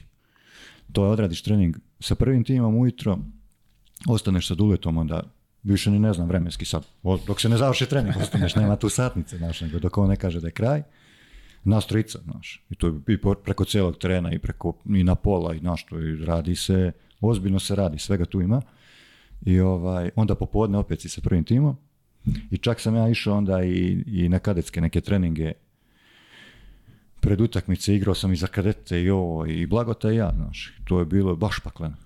Nekad se desilo i po četiri treninga da smo imali. Da, baš je bilo, wow. baš. Ali nisam razmišljao ono teško, nego vjerujem, mi, to je ono, nosilo nas išlo je, išlo je ne, obično, obično, kad si tako mladi, priključiš se prvom timu, ti na tim trenzima ne radiš mnogo. Ti si tu, bar iz mog iskustva i iskustva bar neki koji su bili ovdje, to je ono ti si u prvom timu i Radiš zagrevanje ono, i kao, ajde sad ti sa strane, mi ćemo ovo da, igramo, pripremamo taktiku. Pa pazi, ti mislim da se danas mnogo više radi pet na pet, da mnogo više vremena zauzme na treningu. Tada, tada se radilo ono kao ono, zadnji dio treninga imamo 5 na pet, naš. To si imao ti dobar dio treninga, da odradiš sa prvim tim. Aha, Sa njim, znaš, uključeni smo bili. Koliko se ja sad sjećam, dosta smo mi tu pretrčali s njima, Cepalo je da. A i Boga mi se sjećam, da, dođe neka povredica, ovo ono, neko odmaranje starijeg igrača, pa ti igraš 5 na 5. Da. I još te oni, kad te A ozbiljna ekipa te godine, te godine, te sezone, u stvari... Koji to godine, koji godine 98. 9. To je prvo osvajanje budućnosti, ono, posle, kad je krenulo. Onda su osvojili, bilo je bombardovanje, onda im je kao Aha, peha. to je ta titula, to je ta titula neka prva. imao minutažu. Pa ne, minutažu, pazi. Mislim, ono, kad se skineš u 12, srećan si ulazio sam, nemam pojma, protiv radničkog sam dao prve poene, sjećam se u Podgorici to. Radnički iz Radnički iz da. To su mi prvi poeni. To je ono kao je kad se, ono, pa nagrada kad se skineš. je, ne možda veruješ šta je to. Kakav uspjeh. Da, da. A tada ekipa, ono, Gaša Pajević i Dejo Radunić na pleju, Bole Bošković, e, što je pomoćni Deju sada, mhm, mhm, mhm. ovaj, Šuter, Vule, Vukčević, Vlado Šćepanović, mislim, ono, Zver o, dalje li si moj još čovječ, dolje Saša Radunović, vratili ga iz Valencije, su četvorkica, pa da. naš ono iskustvo neviđeno, Nikola Bulatović, moj cimer, bili smo cimeri par puta, da kad se buli, Saša Ivanović, ko je još tu bio? Da, ne ozbiljna se ekipa, da, da ono, se ozbiljna ekipa. Imena. Ozbiljna ekipa. Kako su dočekali oni kao guštere, što bi se reklo u... Ma dobro, nemam pojma, nikad nismo imali neke tu ne probleme, nego ono maltretira, ne, baš su ono bili momci korektni, znaš, niko tu nije iskakao pa nešto se pravi pamet. Ali znaš šta je fora, došli su, te godine se napravila tako jaka ekipa, doveli su te malo iz inostranstva igrače, ovo, znaš, sad niko tu nije mogao da nešto filozofira puno. Ovi domaći igrači, opet oni su htjeli da se dokažu ovim, ovim koji su kao iskusni iz inostranstva, tako da nisu nas maltretirali, razumiješ, što je mhm. bile, bile ovaj, svako imao svoj neki Đir, što bi rekao. Dobro, što bi se reklo. Poštovali su nas, baš, baš bilo korektno. Baš je bilo korektno. Nije bilo nikakvih tu, nikakvih maltretiranja uopšte. Divno. Naš, naš posao je ono, ko će da skupi lopte nego najmlađi, ko će da, ovo da, pomogneš, ne znam, ne, ja fiziju sa torbama. Ma ja sam to i kao najstariji igrač, nije mi bio problem da mu ponesem. Ne, ali imaš i one kad je, znaš, kad dođe vreme da skuplja lopte, a oni onda zavrljače gore na penale, na, tribine, pa nisu, ideš. No, nisu bile dobro.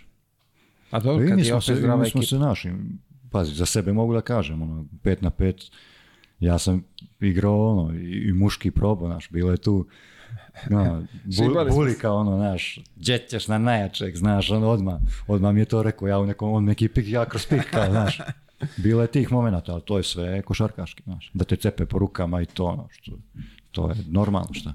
U opisu posla? Normalno, tako. je. A dobro, lepo je to vidjeti, ta neka i ja kad se setim ti nekih momenata ovaj, u prvoj ekipi s tim svim likovima, pa ono šta, što je ostalo, što je ostalo u memoriji, pa znaš, setim se, ima krš nekih koji sam i zaboravio, pa, pa ono kad se znađem s nekim, pa prisjećamo se, ali dobro je to, stvarno treba, tih stvari treba, treba se prisjetiti.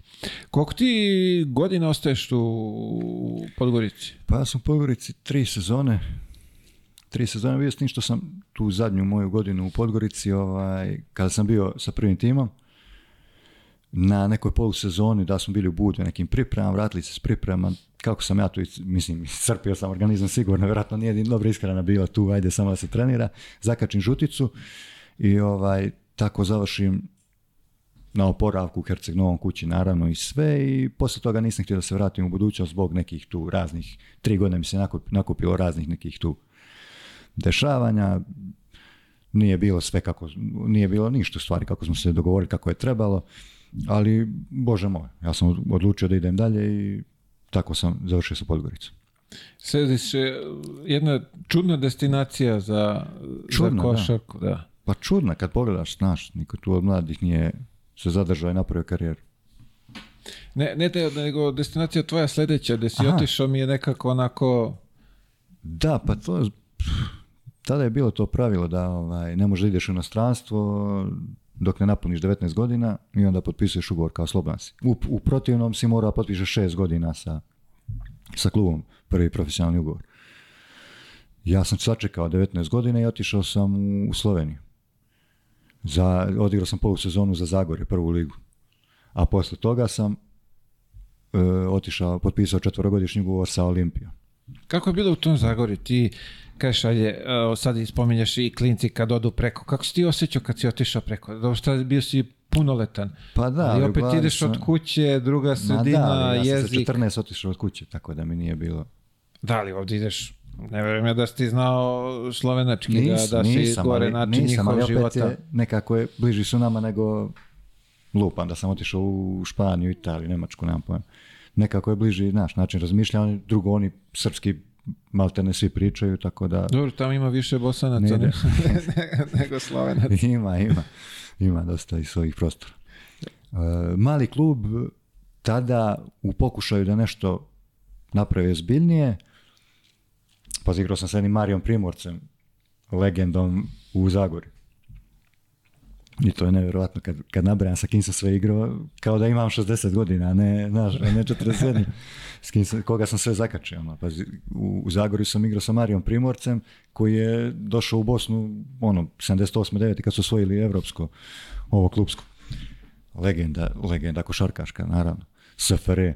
Onda sam posle toga godine igrao sa Juretom Zdovcom u Olimpiji. Znaš, isto ono, SFRE legenda. Ono. Koliko imaš ti godina, me kad si zakačio sve te igrače. Dobro, na vreme si počeo. Na vreme sam počeo, to je to, to je ta for. I sa Zagorjem smo igrali Final Four Kupa Slovenije, što je tad bio ono, mogu ti reći, baš uspjeh. Izbacili smo Laško sa pokojnim Miletom Lisicom, sa Duščakom, sa onom, ono, solinom ekipom koja je bila recimo tada u ono, Olimpija, Krka i Laško su ti bile top tri ekipe u, Sloveniji. Mi smo ih izbacili i plasirali se na taj Final Four Kupa i to je bilo ono kao wow, za to malo mjesto, znaš, bili smo heroji ja naravno, si... izvini, ono, naravno imao sam minutažu, igrao sam ono, kao jedan od glavnih igrača. Kada si tu već... Da, značilo mi, je, značilo mi to, da. Dobio si, dobio si šansu. Kad si spomenuo sad Laško, jesu oni te godine uh, igrali Euroligu? Jer Boki Nagdvar... Olimpija sam. Je, Boki Nagbar je... kad je bio, rekao mi je da je ta te godine on, da li je igrao... Čeka Euroligu, Laško, ne sjećam se da je pa Laško pa igrao ja, on mi je, ne bre, Laško. Zato je baš mi je ostao čudno, jer oni igraju u onoj maloj onoj salici, šta je ona, znaš, ako je moguće, kaže da, da, bili su. nije, toliko, nije. Ona u Loškom baš je okej, pa nije, nije, dobro, nije, nije, po standardima Euroligi. Pa to, zato, zato sam, bilo mi čudno kad je rekao da je on za njih igrao Euroligu, ovaj, da li da reče pozemice ili šta je bilo. Zato pitam da li to ta godina. Nije. tada tada on je negde prešao u, u, u, Trevizu odatle. To je prije prije, To ti je možda kraj 90-ih, početak 2000 ja mislim. Pa vidi sad, ne znam, da, što bi se reklo, ne baratamo s godinama. Mislim da je tako, mislim da je tako. Ali ako, možda smo se izlupetali sad, ajde. Pa Dobit ćemo kritiku. Ne, Ko ne bude, ovaj, ne bude ga mrzalo, googlat će pa će se ispraviti. E, ideš posle u Olimpiju? Da, pa snimao sam ja i, to ljeto predolazak moj Zagorje, ja sam trenirao malo sa Olimpijom i ovaj, dok nisam čekao da napunim 19. Tako da je to već bila ta konekcija. Oni su mi imali mhm, na oku, mhm. znaš. Oni su me pratili već i, ono, odradi to u Zagoru, ako bude kako treba, potpisuješ nam. Ok, nema problem. ako se i desilo, s tim što opet sam imao peh da, da ovaj, Olimpija tada pada u financijske probleme, tada neko mijenjanje je bilo i uprave i svega. Zmago Sagadin je bio trener, on posle te moje prve godine odlazi, tako da, a on je dugogodišnji tamo bio i ovaj, alfa i omega. Tako da nije mi se zalomilo da nastavim, da odradim taj četvrogodišnji ugovor ili tri godine pa da me prodaju kako, je, kako su oni to tada radili. Odradio sam prvu godinu, fenomenalno iskustvo, fenomenalna godina, ekipa, ono, bruka što se kaže, jaka Sem Jureta, ko je, ko je još bio u ekipi? Ovako, bili su ti na pleju Vlado Ilijevski i Ben Udrih. Wow. Da. Onda Simo Jureta Zdovca. Onda Jirži Velš.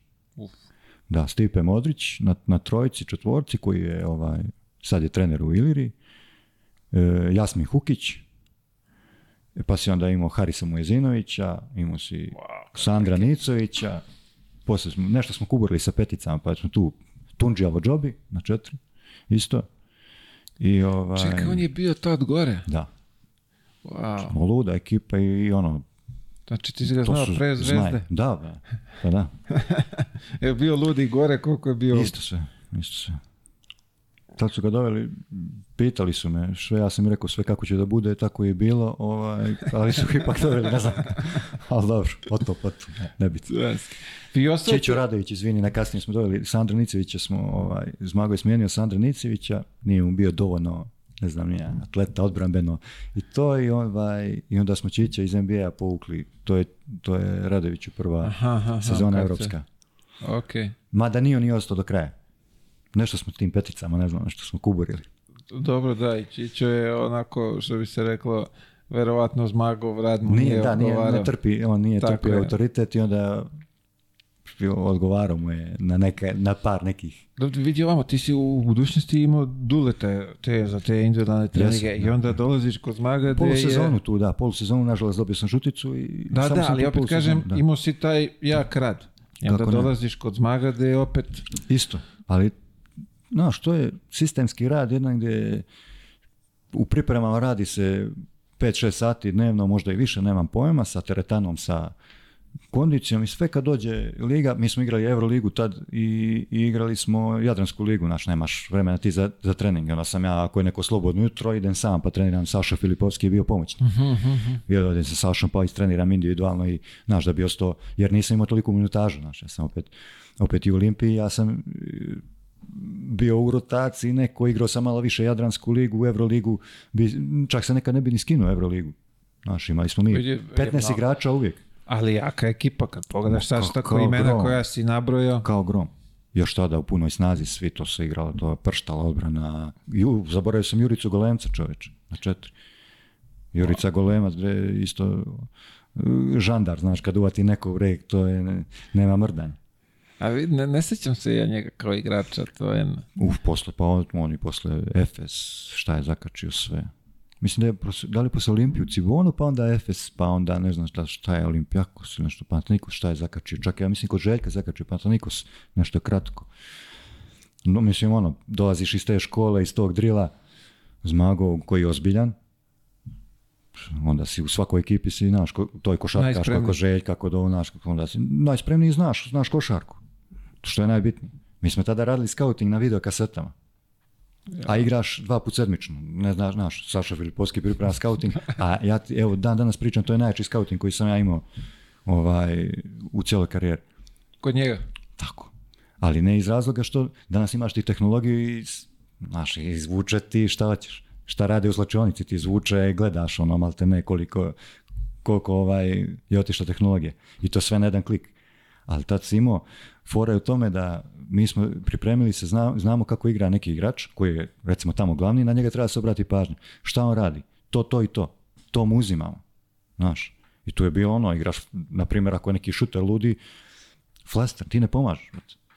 I cijela ekipa zna da ti ne pomažeš. Ovi cepaju odbranu četvorica, a ti, tako je, a ovoga izluješ.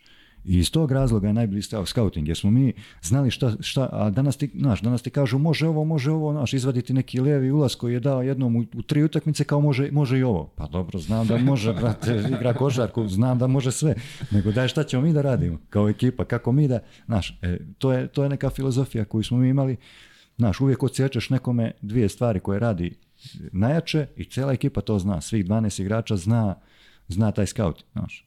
I on, je, on nam je donosio rezultat. I čekaj na VHS. Kad na VHS, pa to, je 2001. prva, druga. Motaj, vrati, motaj. Pa- ja još ako je bilo zmagao, ako više puta kaže vrati, vrati, pa to ne, ne možda nam Ludilo. ludilo, pa to ti je svaki dan sastanak imaš, svaki dan si naš ujutro trening, popodne sastanak, pa trening. Sastanak. Zna da A, a u Tivoli, znaš, naši termini, ja. ostaje se šta. Robije. Ako treba, ostaje se, dakle treba. Kući kad me vidite. Pa da. da Ali dobro je bilo, znaš, nema, ja sam napredovao te sezone nevjerojatno. Znaš, dođeš, dođe, recimo Slovenačka liga ti dođe posle, na kraju ono, kao, kao Superliga, kao Srbije, znaš, tako na kraju da. Slovenačka. Pustite, bre, 15 pojena za 10 minuta, zgaziš ove 30 razlike, šta hoćeš. Teretana se dobro radila, kondiciono dobro smo bili spremni, znaš. Košarkaški ja ti ne pričam baš, baš sam tu, tu sam napredovao baš dosta. Pa taj rad je doveo i do titule uh, Jadranske te tako, tako? Istorijske, istorijske, istorijske prve ja, Prste, ne, tamo, kući u Herceg Novom prste stoji. Tamo verovatno negde ovaj, što bi rekli kao Đoković, ono na peharu, kad piše, piše tamo. Da, voja, da, Voja, pa Skoro je slika neka iskočila prošle godine, se izbaci tu. Ne znam ni ko je izbacio ništa. Pa, pazi, te godine osvajamo Jadransku ligu, osvajamo prvenstvo Slovenije, osvajamo kup Slovenije i ulazimo u top 16 u Euroligi. Ali da li bi otišli u osam, ne znam, ali te godine je prve godine bio sistem dođeš u top 16 i prave se četiri grupe po četiri i samo prvi iz tih grupa ide na Final Four. Mhm, znači sa, sa 16 mhm, mhm. ekipa na četiri. Malo a mi zapadnemo tu drugu grupu sa Panatnikosom, Olimpijakosom i Jajkom. Wow. Alo, Čekaj, Željko je vodio tada, Željko tako? Panathinaikos, Piksi Subotić, Olimpijakos, Dragan Šakotaj. Šakota, to su te... Uludilo, ono, ovi sa Kako je ono, je XU ekipa na... isto uludilo ekipa, Olimpijakos sa pokojnim Alfonsom Fordom, to je ono, prštalo se. I Olimpijakos tu bio najdominantniji čovječ. I zadnje kolo u toj drugoj grupi, mi nemamo šanse nikakve, gostujemo Olimpijakos u Pireju, i znači ono, to ti ono, oni kao lagano to dobiju i idu na Final Four. Mi ih dobijemo da. Nama pa- ništa ne znači, dobijemo ih i oni ne odu na Final Four. Ode Željka, mislim. I Željko je osvojio tada, je tako bilo? Moguće. Ja mislim tako je. Ne, je je ali ne znam, bio je vamo Kinder sa jak i koje, a ne, ne znam da se sjetim sa koje na Final Fouru bio to.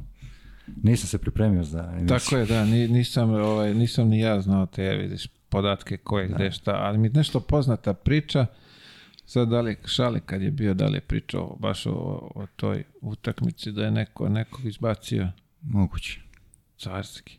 Pazi ti... To je bilo to, znači zadnje kolo. Koliko ti godina tad imaš čoveče? 20, 20 tu do 20, nešto tako. I svi ti igrači ispred tebe. Ej, Alfonso Ford. Zamislite. E, uživo sam ga gledao. Ono, iz, iz... Nisi imao prilike malo da... Nisam. Bio sam, na teren. Bio sam u ekipi, ali nisam igrao tu utakmicu, toga se sjećam. Ali strašno, strašno igrač. Vidi, mnogi igrači, zakačio si mnoge, mnoge si ove velike i gledao. kako ne. Wow. Fije, ovaj, Jadransku, koga ste oljuštili u finalu? Krku. To je prva godina, nisu tada naši klubovi igrali. Igrala je samo budućnost iz Crne mhm, Gore. Mhm. Sa Krkom smo u finalu igrali.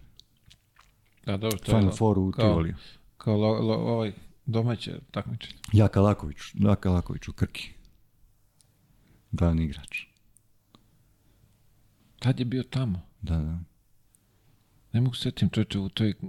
Porano je to, 2001. Pa da, prva, druga. Da, nisam, ja sam tad zakoračio u profi vode, 2002. na, na treću. Či, da, bukvalno nisam da, ništa da. znao od, toga tada. Ej bre, o kojim mi godinama... Sad si me vratio, vidi, ja ne razmišljam o tome, ja sam to pozaboravljao sve čovječe. O kojim mi godinama pričamo, koliko smo maturijani? Ludilo ja sam tad počinio 2002. profesionalnu karijeru. Či znači, moj prvi profi ugovor. A eto, Leto 2002. Da, A ti si 2001. Ja već osvojio... prošao budućnost, Zagor, Olimpija. so, stvarno bre, ti si mator. Pa, Ko, koliko si ti u stvari? 41 godina. Jesi, jesi pa tamo bre, ovaj, kod, kod vas dole u, u, Crnoj Gori, oni su menjali one datume na, na, na, po potrebi. na, na, na ta, zavisno gdje ideš u koji klub, oni preštampaju. I pasoš sve je bilo. Sve, Sad si smeo skoro ovaj Mačan pio i u komentarima neki burazer napiše da, da, on je 86, ali smo prepravili papire kad je izbjegao iz Vukovara na 89. Na 90. Tako nešto, vidi, znaš koliko se se smijevate. Bio je skoro slučaj sa Ivanom mojim iz agencije, nije skoro, preko godina, non stop ti se javljaju, znaš, neki igrači sad iz Nigerije ti se javljaju, znaš, ono, kako, znaš, ti iz Nigerije, znaš, koji to scouting mora da bude.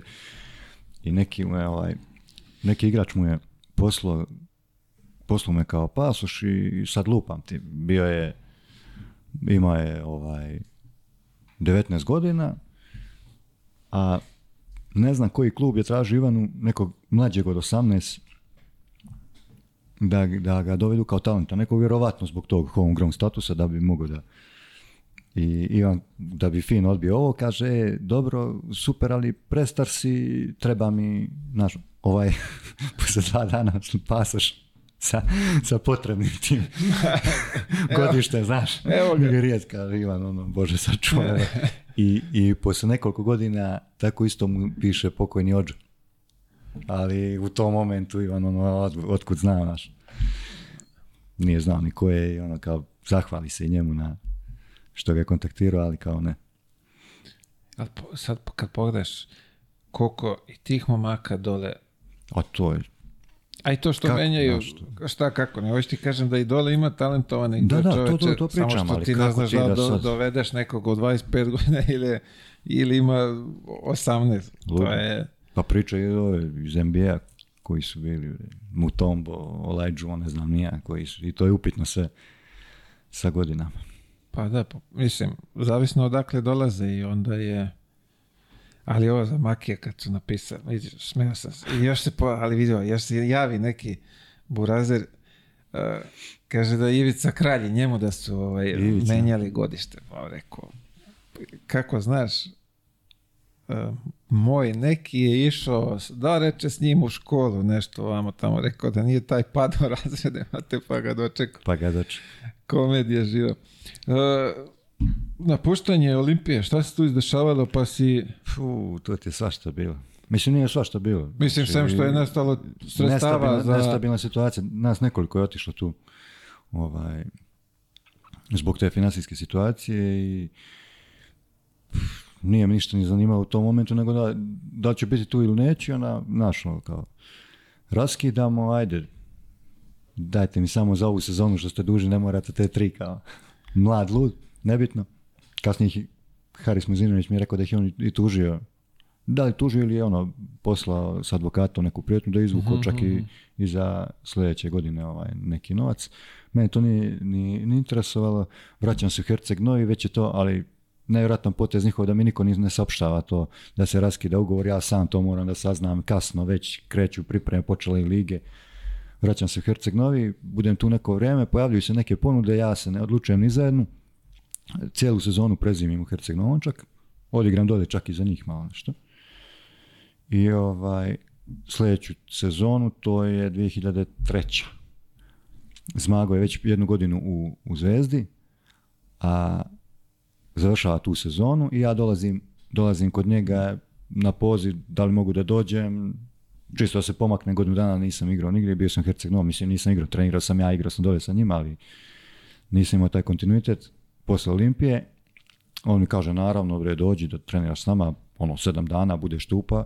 Ja kažem, samo mi treba da dođem, da, pa da idem dalje.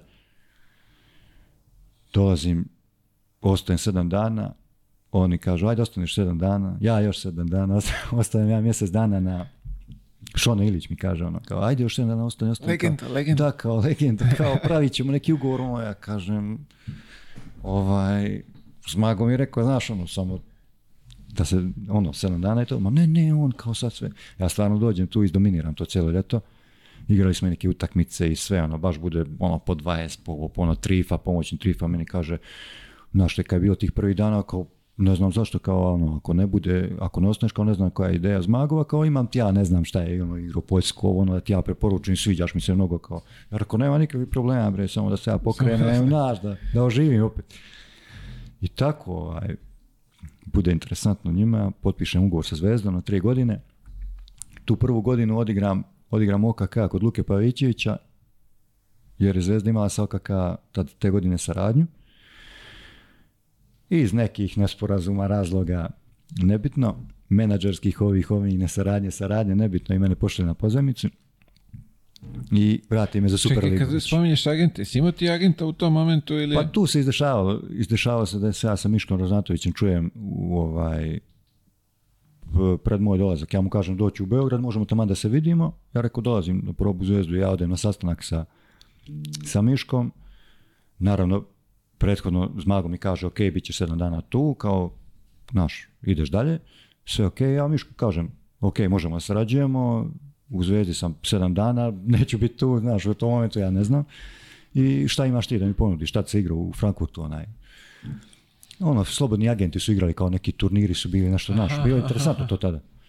Kao idemo tamo, naćemo nešto, naš, imaš već neki CV, Olimpija, ono, znaju te, pratite. te nema problema, ja se s Miškom dogovorim, poslije to bude neki problem, nebitno, da ne iznosimo sad detalje koje ne znam nija baš do kraja i uglavnom zbog, zbog nekih peripetija tu, kao ajde u OKK ideš na poznamicu prvu godinu. Dobro, nema problema, idem ja odigram za OKK, ali već za Superligu me vrate u, u zvezdu. Čekaj, OKK je dominacija totalna? Poigrali smo dobro pazi, kao tim nismo nešto dominirali, ja sam igru solidnu sad nisam neko ludilo imao. Luka je to postao njegova prva trenerska godina, postao je sistem naš da se igra, nije tu niko sad mogao da iskače. Uh-huh, uh isto fina ekipica. Ono. Šugara, Cokoljić na pleju, njih dvojica, naš već ono, imaju neko iskustvo. E, tu sam ja na dvojci, tu je Ivan Krasić iskusni na trojci, tu je Nikola Lepojević isto na dva, tri pokrivamo bekovske pozicije, tu je bilo ovaj Obradović na četiri, iz Francuske ga vratili, e, Kosanović, ovaj bre, o, stade mi mozak. Kako je mu ime? Jer stade mi mozak, znači na ljudi ako sluša. Pa ne, već se, vidi, poprilično svi mi zabagujemo u nekom momentu, ne, se setimo, da. E, uglavnom fina ekipica, znaš, za prvu ligu tada, finac, savjetnik, pomoćni. Interesantna godina baš. I kažem ti, vrati me odmah za Superligu u Zvezdu, odigram tu i neke utakmice čak, tad je bila još zajednička država, pa smo igrali dolje i protiv Lovćena i protiv Budućnosti. Protiv Hemofarma, ono polufinale, kad su tukli navijače, pa smo i prekinuli, pa nismo izašli, nismo iš igrali. Sa Igorom Rakočićem, ako se sjećaš toga, ne. Mhm, mhm. uf, vraćamo se, cijela istorija. Pa to je to, mora da se, i, da. mora istorija A tu je interesantna, interesantan moment bio, mi smo bili u nekom uzlaznoj nekoj putanji, tu, znaš, svašta sad, šta bi bilo kad bi bilo, ali znaš, bili smo se zahuktali. Makar finale to da smo igrali bilo bi ovaj, ko zna šta, znaš, šta bi moglo da se desi. I kako, poslije toga dvije godine opet u Zvezdi. A čekaj, ovo me zanima, dolazak u Zvezdu, sad znaš kako je ovdje Zvezda, priča se o tome, Zvezda i Partizan su sve u, u ovoj državi. Tvoj je osjećaj kad, znaš, doješ, izađeš u pionir pre te, pred tu publiku. Pazi, ja kao, kao Zvezdaš od malena preko oca opet, on je bio isto ovaj, što kažemo i ludi navijač. Mm naš mhm. Znaš, prvo futbal, pa onda posle košarka, zvezda kao zvezda generalno.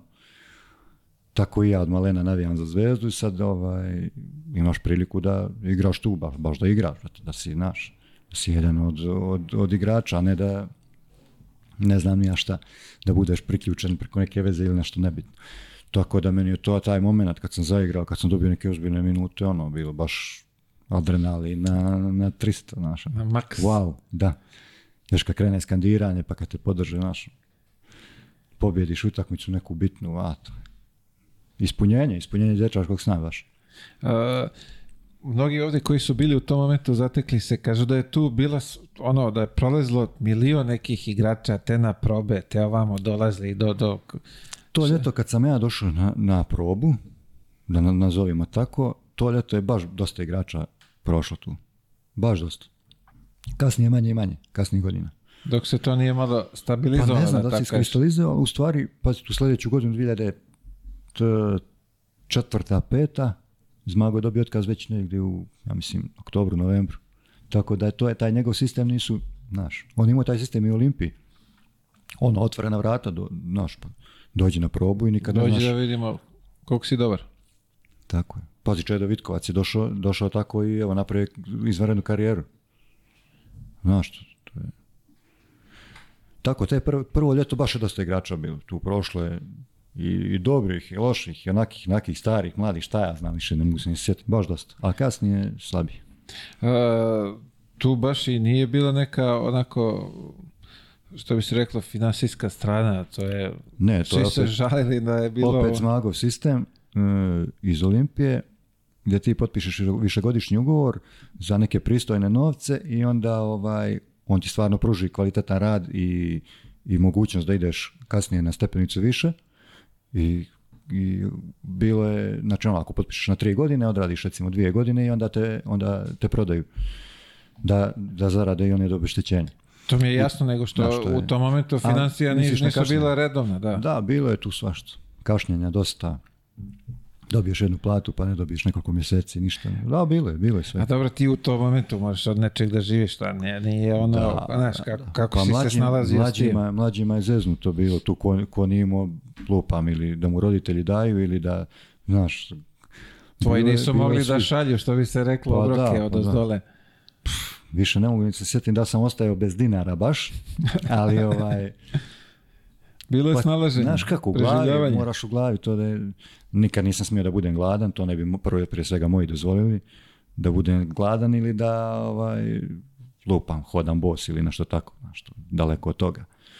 Ali osjetio sam ja u životu sve, nešto sam osjetio i svojom, ono, svojom voljom da vidim, da prođem, da vidim kako je, bre, kad nemaš i kad si gladan, nemaš i to to ti sve znači u životu. Poslije što to sve, znaš da cijeniš, da, znaš da, da ocjeniš situaciju neku novu. Tu se, spomenuo si malo pre Audžobijan, zanimljivo. E, bilo je tu nekih raznih stranaca koji su, ajde kažem, prolazili kroz zvezdu u tom u tom periodu dok si ti bio u tom, ajde kažem, prvom, mandatu. U tom koji je Andrej Viznevski, ja mislim da je napravio najozbiljniju karijeru evroligašku Viznevski je posle otišao i Cibona, pa Makabi, pa Efes, šta je mm Rusiji, no što ono kad je bilo milionski ugovori. Tunđe Džobi, to kratko, on je došao za Superligu. Henderson je ovaj, Hen, Gerald Henderson je bio dobar, jako dobar igrač, napadač prije svega, ali opet malo glava upitna. Ko je još tu interesantnih bio kasnije? Čekaj, uh, Skuni Pen i ovaj... Ovo je godinu ovaj prije mene. Pre, A, nisam Ovo ovaj je Beše Eke, Obija, Obina, Obina, tako Obina i Skuni prije mene, da. Ti nisi njih zahvatio, ti si uhvatio ove, ove sabije. O, Freeman bio kod tebe? Nije. S tobom? Nije. Nije, nije, nije. On je u FNP-u bio, igrali smo jedan protiv drugog. Aha, aha, znam da je on bio nešto kod ko zmaga, ali ne mogu... Kad ne, ja se tačno ne sjećam koji je to period. Pa, ko je ostavio na to tebe od tih? To je prije mene nešto. te, godine, vjerojatno kraj, kraj te prve sezone Zmagove. Moguće. E, od tih stranaca, koji je ostavio na tebe, kažeš, neki utisak kvaliteta ljudskog ili šta, kako god? Pa sa Viznevskim sam se družio najviše, nekako samo ja se našao njemu i meni ok, bilo mi je prijalo mi je njegovo društvo. Pomogao sam mu u smislu da, da ga uputim u kulturu našu, kako se živi, šta da, Naš, ono, baš, baš smo se fino družili, ono iskreno, to su već, mladi smo bili tada, nešto, baš onako bilo drugarski, kao na koviču. Ono. E, košarkaški Omara Kuka bi izdvojio kao jednog od najjačih playmakera s kojima sam igrao i protiv kojih sam igrao, ono, baš baš vrhunski, vrhunski igrač, vrhunski playmaker. U pravom smislu te riječi playmaker to je bilo u drugom mandatu. To je bilo u drugom mandatu, tako. E, kad beše kup? To je, 2006. To je prvi mandat, To je prvi mandat, zadnja godina, prvog mandata. Sa, Milanom Gurovićem, sa Hendersonom, sa Jeretinom, sa Dragolom. Dobro, oni su i ranije bili tu, ali od tih novih igrača, Gurović, e, e, Pero Antić, Mire, Radoš, to su ti neki novi Eh, Obenon, Larry Obenon. Da, da, da, da, da. Te beše? Eh, Mišanović. Miške. To su, to su do, koji su došli te sezone igrači. A o, o Vuk Radivojević, Čedovit, Čedo je bio tu, tako je. Čedovit, ko će još te godine, bio je tu. Jeretin, Dragojlović. Zanimljiva, to... zanimljiva plejada igrača. Da, dosta, tu prošlo je dosta tu igrača. Mislim, ono, kad gledaš sad razni profili, što bi se Jest. reklo. Ovaj. U svakom smislu. Tako Bilo je tu zanimljivih zanimljivih anegdota. Nego nabrajam ovako, pa zaboravio sam vjerojatno nekog. Dobro, ne može, da, kažem ti, obično ovako kad krenemo zapakujemo. Neće zameriti. neće. Neće zamjeriti. niko zameriti. ne, ne šta ima da zameri. Nego, kažem ti, ovaj, obično kad krene ovako priča, ne možeš da setiš, već, zabaguješ i, i ono kao, znaš o kome priča, ali ne možeš setiš ni imena, da, da. ni, ni prezimena što je još gore. Uh, kup, taj uh, osvajanje... Kup protiv to... Hemofarma u Pioniru. U finalu. Koja je to godina? Sad si rekao 2006. Da, to je sezona 2005-2006. Gde sam ja bio toj godine? Železnik. Pa ja mislim da si... Gde smo mi? 5 da. Mi smo tad tako. uzeli je, a, Jadransko, Jadransko, da, tako. kad u Sarajevo. Da, da, da, da, da, bravo.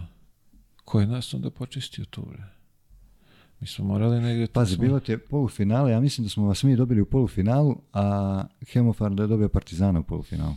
Bra, bra, bra, bra. Koliko me sjećanje a, ka, služi. Zar ti nisi, bre, bio i deo ekipe tamo u Novom Sadu kad su osvojili kupu? Nis, to je, tad sam došao za Superligu. Aha, aha, okej. Tu si kasnije, a to je e, bilo nešto...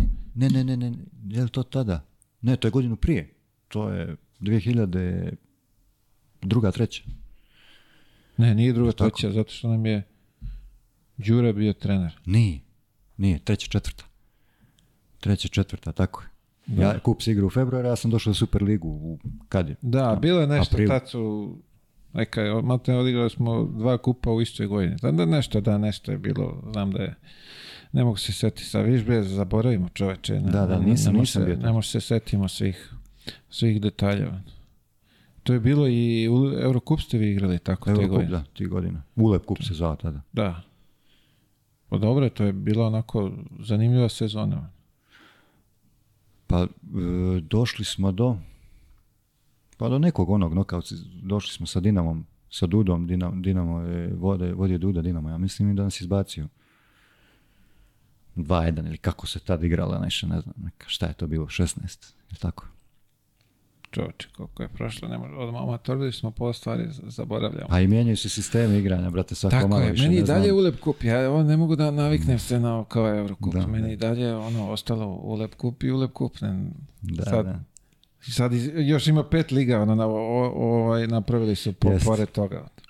Uh, ti se seliš za Braunschweig, je tako biš da, prva? Da, da, e, 2000, puf, četvrte, pete, ja sam imao možda i najbolju sezonu, možda nego sigurno i pogotovo u kupu lupam sad, ali da se hvalimo malo protiv Ritasa koji je te godine osvojio sa Fredijem Hausom i Mojzinovićem, osvojili su te godine, ono, lupam 26 poena im zabijem za pobjedu u pioniru i tako, ono, mhm, bonu 20 mhm. na strani i tako, imao sam baš dobru sezonu dešava se da Trifa nas je preuzeo posle odlaska Zmagovog, dešava se da Trifa na plaži u Grčkoj na odmoru ljeti, na ljeto dobije otkaz, malte ne faksiraju, a ovaj, dolazi Dragan Šakota.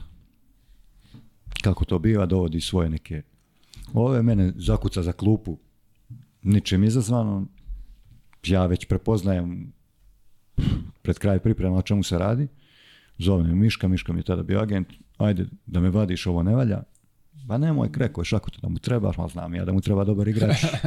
Ako zatreba da...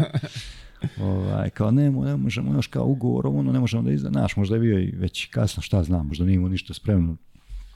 I ovaj, ja ostanem tu da skratim priču. Ta sezona ono, na kašičicu bukvalno dobijam. Kad god dobijem ja odradim to, ali džaba kad na kašičicu.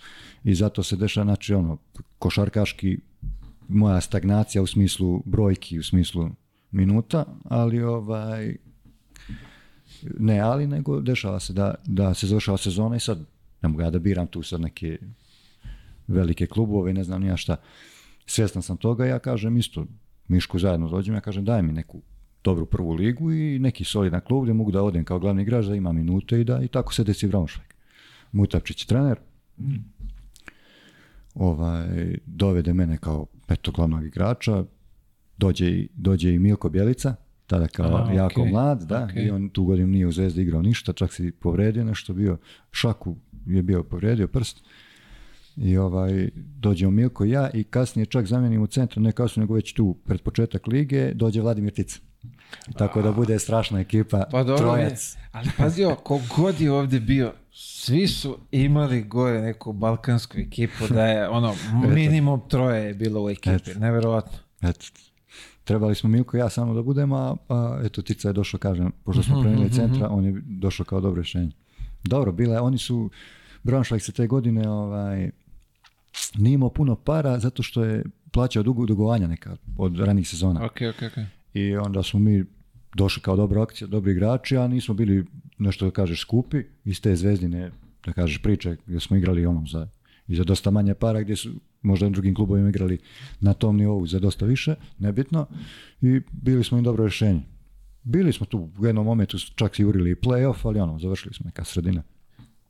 Tabela Tvoj odlazak gore u Nemačku, opet to je neka, da. ajde kažemo, uređena zemlja, ono, sve pod konac. Super, super, verujem i ja sam i dalje pod, ne, pod utiskom, ali poštujem jako, jer, jer ima sistem, znaš, znaš šta da očekuješ. Sjećam se ono, prva, je, prva plata kao ono, lupam sad, došli smo mi početak augusta, odradili pripreme i treba sad da krajem augusta ti legne po ugovoru prva plata, je, eventualno početak septembra.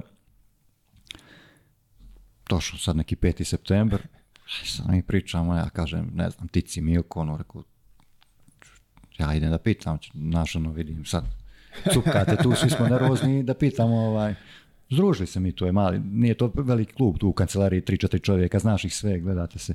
Ja rekao, ovaj, e, samo da pitam, plata ovo, je li neki problem, će, kad će biti, kažem, on je ono, vidiš, praznoja se čovjek u momentu, pocrvenio, kao, kako nije legla plata?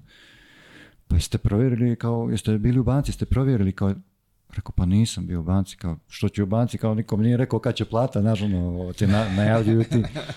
Kaže, pa molim te provjeri, kao, mora, moralo bi da legnu mi u banku, ono, ma Znaš, svaki 28.9. 9. ono, kraj mjeseca, ako je vikend, eventualno prvog, legne ti plata na, na račun nema šta da brineš ti tu da razmišljaš. Ovdje te leraju dve pa nedelje. Pa to, pa Šone sistem, Ilić, Šone Ilić, legenda pada sistem u banci svaki drugi petak, ono, znaš, dajte nekog ili Hakera da im to postavi kako to, To, to, to, to.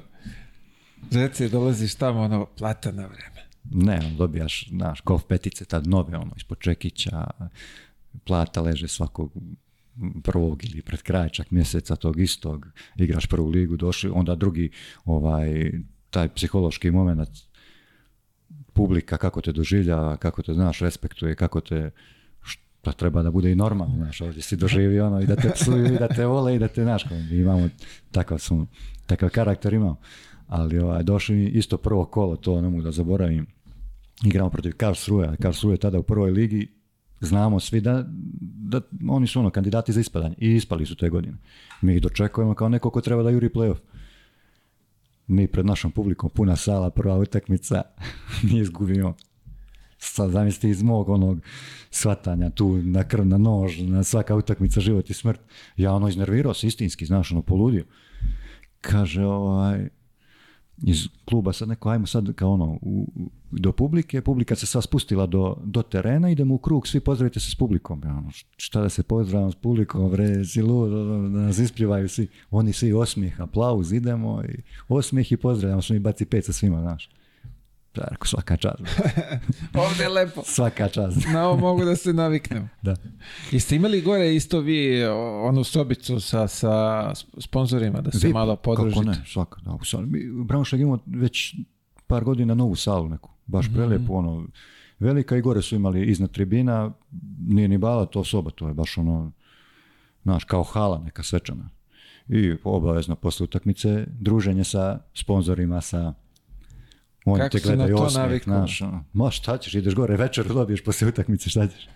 Ima Večeraš sa njima, naš. Dobro ti dođe, popričaš malo i sve šmekerski. Naučiš i tu, znaš, kako se, kako se civilizovan svijet ponaša, kako se, kako se živi, kako treba da bude, znaš. To je sad, deski sam razgovarao, da li to može da zaživi ovdje kod nas? Ja mislim da može, ali opet ne, e sad ćemo ovako, nego treba da se krene tako je, od, od početka pa da se postavi, da se dođe do toga. Ne, odjedno ćemo mi sad da budemo to. Da. A, a pritom, kad pričamo ovim velikim, da ne dolaze ovi sa šipke, nego da dolaze pravi sponzori koje naravno, mislim, ko već daje naravno, kintu za to da, da, ovaj, da to ima smisla i svega. Pa tako je, nije to slučajno tamo. Pa, opet kažem, to je nekako, oni se ono, zbližavaju, osjećaju se i oni da, da upoznaju te igrače, da, ajde kažemo, bitni kako god, njima je drago da su tu i, i verovatno... ovaj... Pazi, oni ti onda sreću ti po gradu i svuda naš, staneš, popričaš. Jako bitno. Jako bitno za klub, za tebe, za, za, za njihov odnos prema klubu. Da, oni, se, oni se identifikuju, znaš, ti si im Moraš da, dio... moraš da reprezentuješ u tako najboljem bukvalno tako, da. Bukvalno tako. Ne smiješ da, ti, ti reprezentuješ kad izađeš na ulicu, reprezentuješ taj klub, mora pravila ponašanja, ima što je to, znaš. Jesi imao problem sa bacanjem smeća? To mi je nekako fascinantno. E, sve, sve pitam ljude. E, nisam. Možda su to, nemam pojma. U Braunschweigu su imali ono kontejner ispred zgrade kao malte ne kao kod nas sve regularno poslije sljedeću u Berlinu, u Albi imali smo u zgradi, bila je neka kao modernija neka zgrada, pa smo imali dio ono, u zatvornom prostoru za odlaganje, mm-hmm. to mhm. naš bilo je malo... A nisi razvrstavao? Ne. Zanimljivo. Tada, da li to, nemam pojma, da li su oni tada još uvijek funkcionisali tako, ne, znam šta je. Niti mi Miko sugerisno, naravno normalno, neke se za smeće kupiš ali nisam bacio iz supermarketa. Ali. Ima sve svoje. Da. Ali to je kad si u uređenoj zemlji, to je, je A, dobro, bit ćemo i mi polako, sad treba pričati o tome. nisu sad ni oni cvečke, znaš. tamo vidi, naravno, sve ima dobru i lošu stranu, ali daj da pokupimo nešto što je dobro, brate Milijan. Pa dobro je tamo zato što te klepi po džepu ako, ako izlećeš baš puno, znaš, i onda čovjeku, po prirodi u čovjeku kad te klepi po džepu da, da poslušaš drugi put. Znaš. Da pripaziš. Pa tako se sistem gradi, šta? E, više ovo opet, Bane sad tu bio, pa je pričao vozačku dozvolu da je morao da polaže. A, on, je bio duže, ja sam se nekako izvuku, ne znam, tu prvu godinu kako smo se izvukli, jer treba šest mjeseci valjda. Da, tako je, tako ako si šest mjeseci, poslije moraš da polažeš. Da. Milko je polago, vidiš. Milko je otišao sljedeću godinu u Keln, ja sam otišao u Albu. I Milko je morao da polaže, ja opet, ja nisam polagao.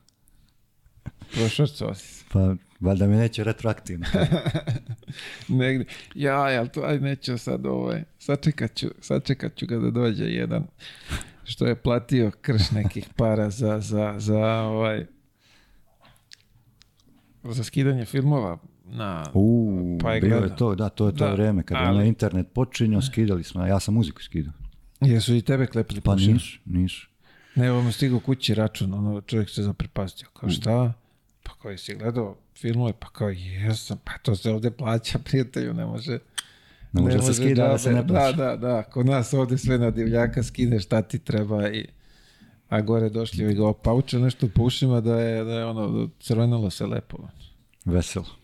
Drugi tvoj klub, prešao si posle iz, e, kako zove, iz Braunschweiga, ti si bio da, u... Da, godinu. Da, e, ali rekao bi da se nisi nešto baš... Ne, bila je neka čudna, čudna sezona gdje smo tu izmijenjala se igrača i povreda je bilo i svega. Ja sam bio u Albi do nekog februara, ja mislim, tako. I sam odradio taj februar, ne mogu da se sjetim. I onda se vratio u, u Zvezdu to je ta sezona sa Omarom Kukom, sa Elmedinom uh mhm, Kikanovićem i mhm, mhm, ostalim momcima, naravno, da ne nabrajam sad sve. Ovaj, u Albi je bilo, kažem ti, čudno, jer opet neka informacija, ja, sam mislio da idem tu u nekoj rotaciji, nije se ispostavilo da je tako. Na kraju sam ja imao dosta minutaže jer ovaj, bio dosta nekih povreda, pa je tu isto Luka Pavićić došao za trenera, ali dosta tu igrača je izmijenio i sve. Ali, I... jel, e, samo ispravi, je to godina kad bilo osam Balkanaca tamo? Jeste. Oko? Jeste, mora, je to. mora da bude to. Mora da bude to na početku Dojčin. je bio i, i, Dojčin, Goran Nikolić bio tada. Pa jeste, Goran Jeretin potpisuje, poređuje prednje ukrštene na pripremama. Aha. S njim završava je Goran Nikolić, Mladen Pantić, e, Dojčin. Rašić potpisuje pred sam početak lige i ja potpisujem isto u septembru nekom. Tako? To koliko je to već? Čud. Kasnije Slavko Stefanović dolazi. Mislim da smo to svi sa ovih prostora. Što bi se reklo, udomljavanje? Pa, kako kome? A ni, nije taj, ispala bez veze nešto. Slavko isto kratko došao. Nešto čudno je to bilo, bez veze. Ne, ali vidi, kako god toliki broj ljudi... Udomljavanje kako kome, pa dobro, pa da, pa ne kažem. Ovaj, na jednom mestu ne daje neki... Pa ne, mislim, nije bilo ni potrebe sad za tim, ali nemam pojma šta je to. Koja je ideja tu bila? Jasno, da. A dobro, onda se vratio vamo, pa si vamo i, u drugi mandat. tu sam baš dobro, dobro igrao, ovaj, Imao sam ja tu već par sezona iza sebe, par, par sezona ozbiljnog grada sa Danilom Ivanovićem, ovaj, mojim prijateljem prije svega i trenerom s kojim sam radio individualno preko ljeta. Mi smo odradili recimo to ljeto posle Braunšlaga, odradili smo, počeli smo 1. juna, jer mi sa Braunšlagom nismo ušli u playoff, mm-hmm. maja smo završili ligu, ja sam odmorio do 1. juna i 1. juna smo krenuli da se spremamo za sljedeću sezonu. 1. juna, ne znam kojeg, Beograd, poslije toga Zlatibor, poslije Zlatibora Herceg Novi, poslije, poslije Herceg Novog opet čekajući nekih dve, tri nedelje klub ovaj, Beograd. Tako sam ja poslije, te, tog leta bio spreman, došao sam u Albu, nisam promašio, ja ne znam, ono, tri mjeseca nisam promašio, promašio trojku na, na treningu. Dijon Thompson i ja smo bili u paru stalno, on kao šuter odmah snimi o čemu se radi, kao ajde, možemo li zajedno, možemo, vrate, ja neke da ne vježbice. Trči, da ne trči po loptu. To. I neke vježbice izvukli, imali smo neku rutinu pred utakmice, on me zvao ono 100% vujak. Uh Tako da sam, bio sam nekih 50% trojke na, ovaj, u ligi, ono, ubedio prvi neko vrijeme. Ne, više se ni ne sjećam tamo. Nije meni to toliko ni, ni bitno bilo, ali znam da sam te sezone bio ono, nisam mogao da promašim buku. Pa, ali opet, to je sve ovaj, da kažemo, posljedica Dobrog rada preko tog leta, Sigur. gdje si ti uložio svoje vreme i Novac, koje vreme, već s tobom, da, da bi ti dočekao spreman tu sezonu. Kako ne, kako ne, ali kažem ti, to je, to je tri i po mjeseca spremanja, to je baš bilo, trebalo je napraviti taj plan i, sve to. Dan danas to čuvamo, imamo jer smo svakodnevno malte ne zajedno pa se podsjetimo tako ovaj, i on radi individualno profili su se za, za rad sa individualnim, individualan rad sa igračima i ovaj, izlači iz, iz tih iz tih priprema, iz tih ovaj, perioda izlači sve što može i preslikava da je i kao parametre i mladim igračima se čini da se uporede. Da, da, A te, tek procente to sa, sa tih priprema koje imamo zapisane, to je, to je nevjerojatno isto. To je malte ne promašuje. Ali eto, bar evo sad ovi mladih koji budu hteli da, da slušaju. Zato i pričamo, ne da bi hvalili. Tako je, tako je, da, da, znaju da, da, mora to leto da bude pakleno, da, da čekaš I to je period gdje možeš da napreduješ, znaš, u tom smislu. A kasnije kad krene sezona, ako imaš ti minutažu, onda napreduješ u, u nečem drugom, znaš. Dobro, tu je već kolektiv, mora da, se uklopiš s drugima, sa trenerovim zamislima, znaš, ali ovo leto je to svoja nadogradnja da ka najboljem što, što je moguće. I to sigurno da rezultat naš. Možda je tebi teško da daš nekog hiljada eura za, za spremanje, možda ti je teško da se ustaješ e, leti kad se idu na plažu u šest ujutro da radiš trening, ali kad krene sezona to ti da rezultat. Jasno, jasno, jasno. Pa mislim uvijek treba gledati na, u svakom sportu gledaš vrhunski, naš, gledali mi smo gledali Jordana, poslije smo gledali Kobija, imamo Novaka Đokovića koji je možda najbolji sportista svih vremena u vrhu je sigurno, ako nije, gledaj, znaš, gledaj malo što rade oni. Tako je. Kobi, Kobi čovjek Vidim. u 4.15 svako jutro da džogira, e, pa nije se zustavlja. Ali to, je, to su primjeri od kojih možda se nauči i kome... I zato ovaj- ih je malo u vrhu tako je, tako je. Bilo bi mnogo više šampiona. Ali opet, evo sad i, i hoću kažem, Cristiano Ronaldo isto što radi. Znači, ne bi bio na ovom nivou da nije toliko Sigur. posvećen i da ne ulaže toliko u sebe i kroz ishranu i kroz sve te, svu tu opremu koju ima za oporavak, za šta već teretano u kući, da, jel, prosto... Ma tim ljudi koji je oko, oko takvih vrhunskih atleta i sportista, to, je, to su naučnici, to su inženjeri, to su vre, to Da, da. Veliki, mislim, veliki je to, ovaj, kako bi to rekli, izdatak ili ne, ulaganje u pa sebe, to je pa ulaganje u sebe, odricanje, i da, izdatak pravi. u svakom smislu. Odricanje. Ja volim da kažem, to moraš da budeš kao monah, znaš, bukvalno monah u, svom pozivu. Bravo. Znaš, to ti je Bra, le, le, lepo definisano, da. Pa da. Da bi... Vidje, šteta poslije svega toga da ta Alba nije ono ostala i duže da, i, i meni je krivo, jer inače Berlin sam kao grad je vrhunski i Alba, Alba organizovan klub uz vlastititu te prve sezone. i Meni isto krivo. Nema šta da, da se lažemo, ali eto tako je bilo, nije mojom odlukom. Ali opet, ne želim. Kažem, vratio se opet u Zvezdu i to je bilo super, igrali smo dobro, digli se, kad sam ja došao, znaš, znači ja sam i u tom momentu u zvezdi, tako da mi je to drago. Mislim, nema za, za da se žali. A, zatvorio si tu sezonu onako na lep način. Mislim, tamo si počeo, igrao sve, ovdje si došao, nastavio. Da, i bili su naši iz košarkaške javnosti, kao, pazi, ja sam otišao iz Zvezde, e, zadnju godinu tu u Zvezdi nisam igrao puno, kod Čakote, skoro ništa, onda Braunschweig, onda Alba skoro pola sezone, malo su zaboravili ljudi, znaš. Već tu skoro dvije sezone zaboravili su, ja se vratio ovaj, pred kraj, ne pred to, od marta, aprila sam bio u Zvezdi, počeo da igramo, znaš, digao i ekipu i sve, naš, postao jedan od glavnih igrača tu, i ono, naš, počeli su i, i da gledaju mene, kao, wow, kako, kako si, pa rekao, ljudi, znam, ja koliko znam, da na šta se sve izdešavalo. Tako da sam i sebi tu digao malo rating sigurno. E, kako gledaš na taj drugi mandat? pa kratko je bilo, nije, nije bilo dugo. S tim, opet, što na kraju te sezone htjela, bila je ideja da ostanem, da, da se oko mene pravi ekipa, ne naravno kao oko Lebrona, da, samo oko mene, ali da budem jedan od nosioca. Eh, ali je predugo trajalo. Opet, nažalost, nije se znalo šta će biti s novcem, ko će biti trener, šta će biti. Ja sam morao da se odlučim za neke ponude koje sam imao. Eh, tad je bio, ovaj, otišao sam u sa Kipra. Malo Kipar zvuči mm, čudno, ali bila je mnogo priča ćemo sad i o tome kakva je ekipa bila sve i ozbiljni uslovi. Ovaj, I jednostavno oni su tek kad u avgustu, ne znam, nija više, kad su Pešića potpisali, za trenera i došla, došli su neki sponzori, znaš, sad ja sam se kockao, da sam čekao to, bilo bi vjerojatno, znaš, poslije i Pešić izjavio nekoj konferenciji, ja sam mislio da će Subotić da ostane, bilo je tih priča, da, ali, znaš, da sam imao neku potvrdu, da sam znao, naravno da bi ostao i gdje bi mi ljepše bilo nego tu da igram. Ali eto, nažalost, nažalost nisam. Otišao sam na Kipar.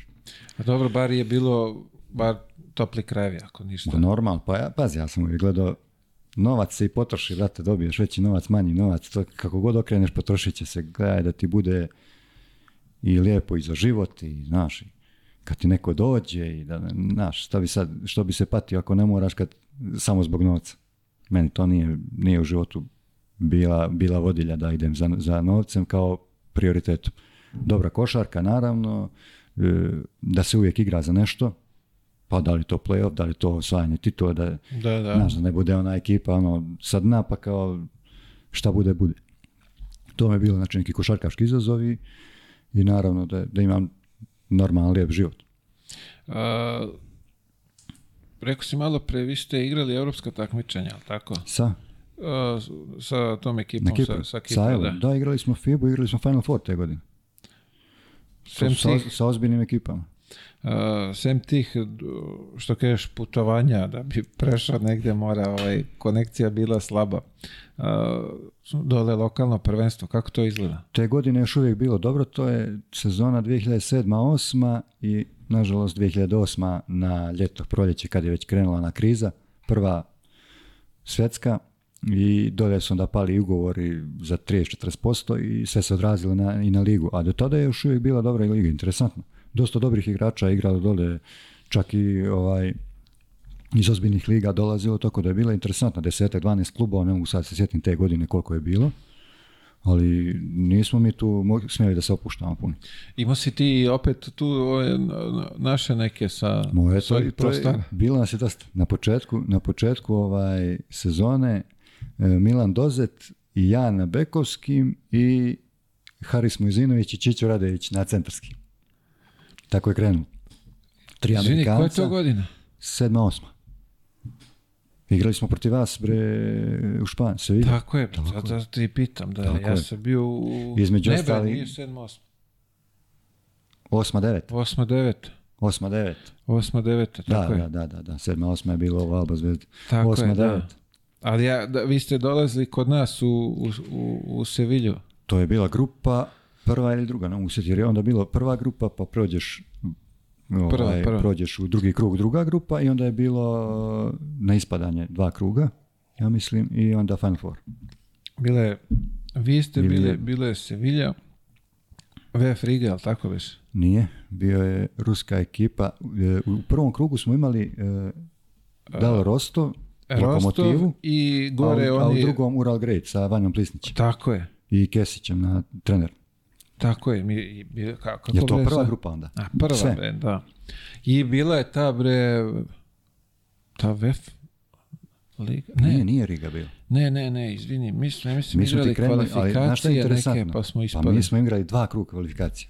Igrali smo prve, e, prvu rundu sa Donjeckom, tada su onog Takera iz NBA, što je NBA i onog... PJ Taker. PJ. E, nerješeno igramo tamo s njima i završi se nerješeno, sa igraš kući ono naš jer je na razliku i odvalimo ih kući nešto 20 razlike. Drugi krug protiv Banvita, dobijemo i tamo 15 kući 30. Stvarno smo igrali, letili smo po terenu i onda ulazimo u grupe. Završimo prvu grupu kao prvi, završimo drugu grupu kao prvi i, i uđemo na Final Four, odigramo ne znam šta je nam se zapalo u ovaj, tamo na knockout, u knockout fazi. Amsterdam. Vjerojatno kao prvi u grupi smo dobili lakše protivnike. Aha, aha i prođemo Amsterdam i onda na Final Four. A Final Four ti je bio u Bolonji, u Bolonji sa domaćinom, Kinderom, ja, da mi mozak sad, kako se zove Levak, bre, ovaj što je dominirao Euroligom poslije Crnac. Amer. Bek. Broj igrao. Ovaj, igra, Kinder igra, igra ovaj, sa Ašketom e, Triumf, Triumf, da. Igrati Francuzi Šole sa Dekovom Wow. Trikolot je tad odatle otišao u Valenciju. I mi, Kipran. Kipran je došli četvrtina. četvrtina Final Four. Ko beše trener? Man? E, na početku Dragan Raca je, je, trener, ali e, je, imao je pomoćnika bre, kako se zove? A, prota bio, Prota, prota kao savjetnik, tako je. Jel, savjetnik pa, ili šta je, da. da bio je e, jedan momak, Grk je bio pomoćnik, a Prota je bio tu kao eto, savjetnik. Da, da, ali kasnije, eto, krenula je ta 2008. krenula kriza i tu su krenule neke neke već problemi uprava, financija, će li biti para do kraja, neće li biti i des, dešava se da se napravi ono ludilo neko da crnce, ne znam, na jednu stranu, neće crnci sad jednom da igraju za racu, ne znam što se dešava, mi pred e, playoff, kiparski, polufinale, mi izgubimo to. Mi ispanemo čoču u, polufinalu. Ovi neće da igraju, ovi šta se dešava.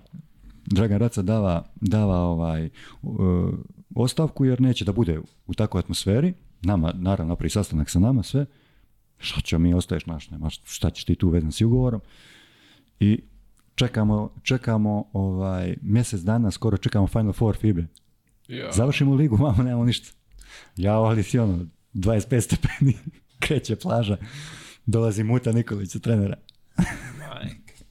Jedan trening dnevno, fino, laganica. Ka, mislim, mi on u tom momentu kaže šta, šta sad cepamo, čekamo to, treniramo jednom dnevno, malo se izigramo, malo se preznujemo i čekamo taj Final Four, šta ćemo ne znam, hoće biti para, neće, li ovi daju, ne daju, nešto.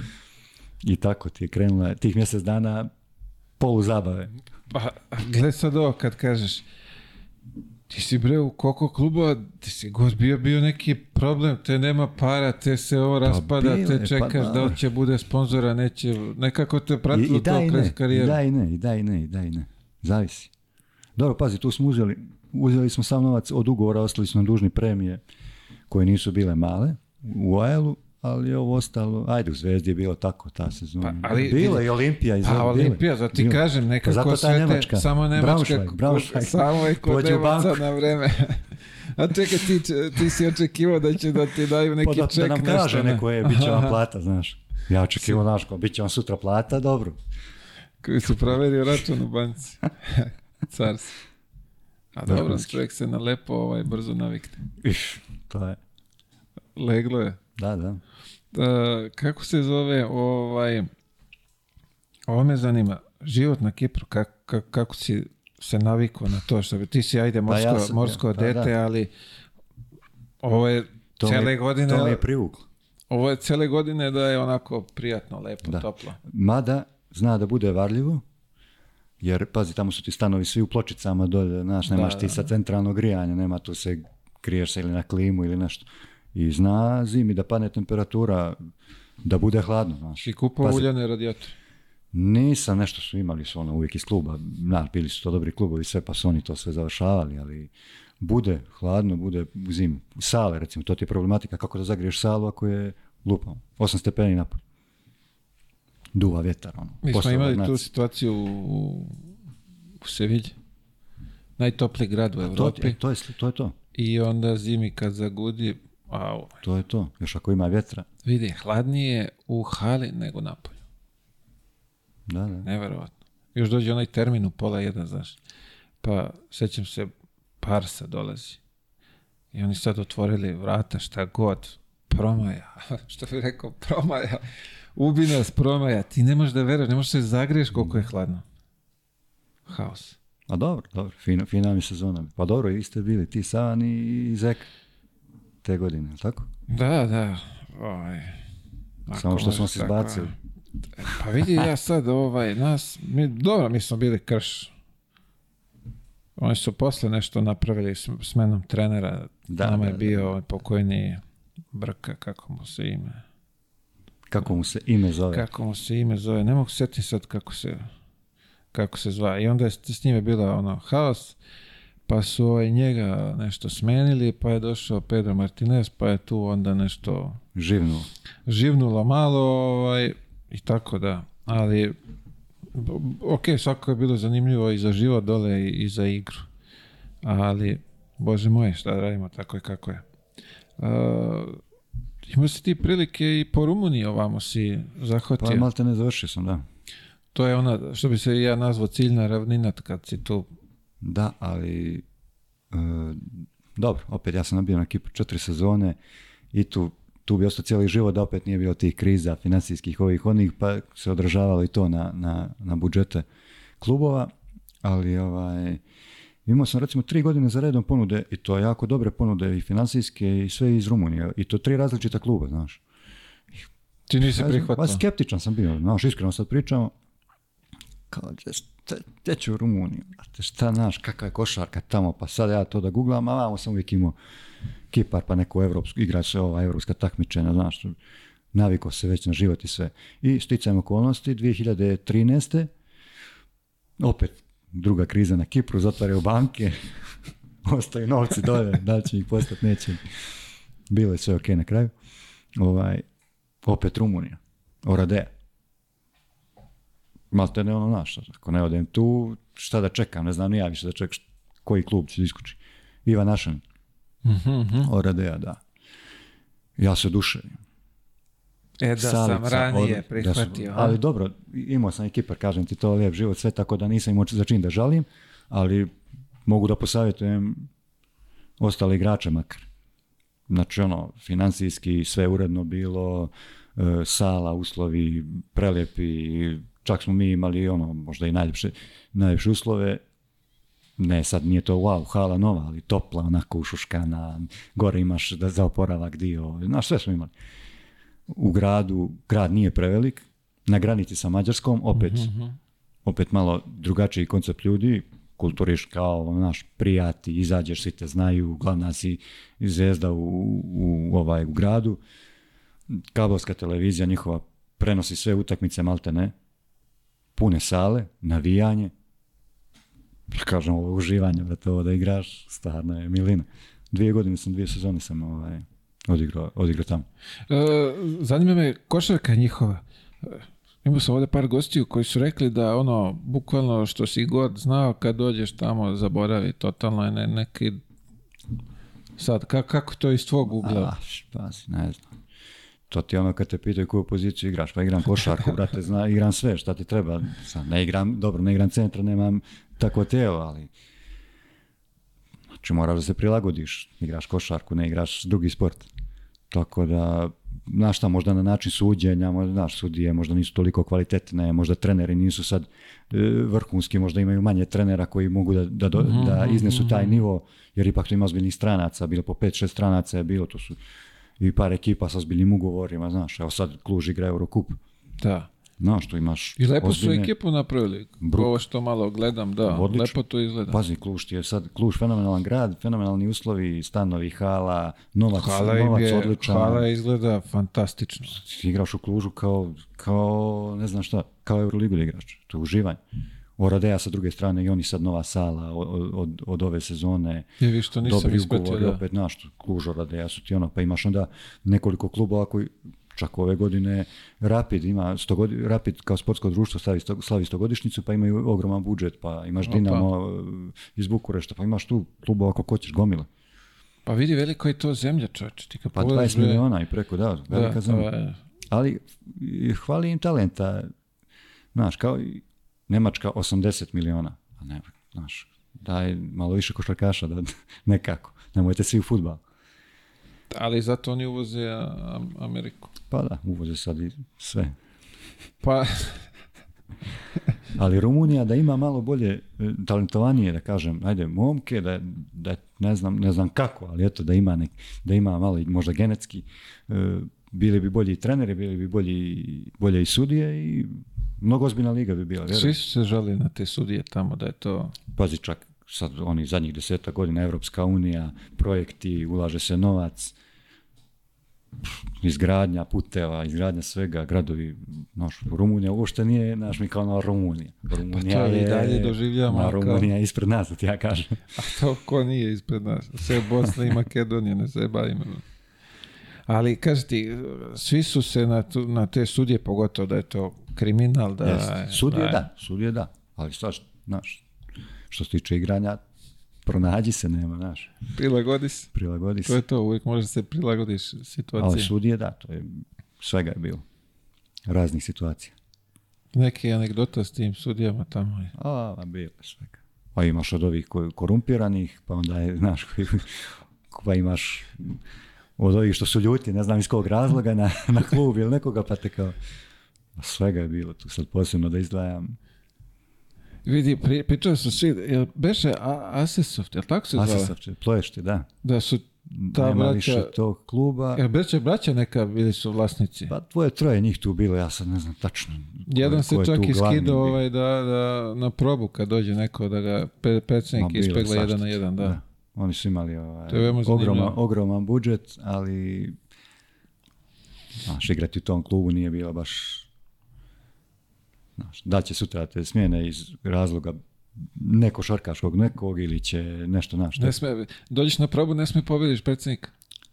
je, možda, možda svi to radi. Ne, ili pričali smo ljudi da, ovaj, da si morao s predsjednikom da odigraš jedan na jedan. Da. Katastrofa. A pored toga su imali kršlove da su plaćali i ove braće da, da sviraju kulturno sve tako. su bili nešto, ne znam koliko godina, ono, prvaci dominirali su tamo da, nije Pa njih je skinuo Kluž e, negdje 2010. i tad su mene, tada me Kluž zvao, Marcel Cencar je e, rumunski trener najboljih, mene ono cijelo to me zvao Maltene. Da, da dođe, molim te, trebaš mi, treba Jarko, dobro, nije me tražio ovako niko. ali nisam otišao, otišao sam na Kipar opet, naravno.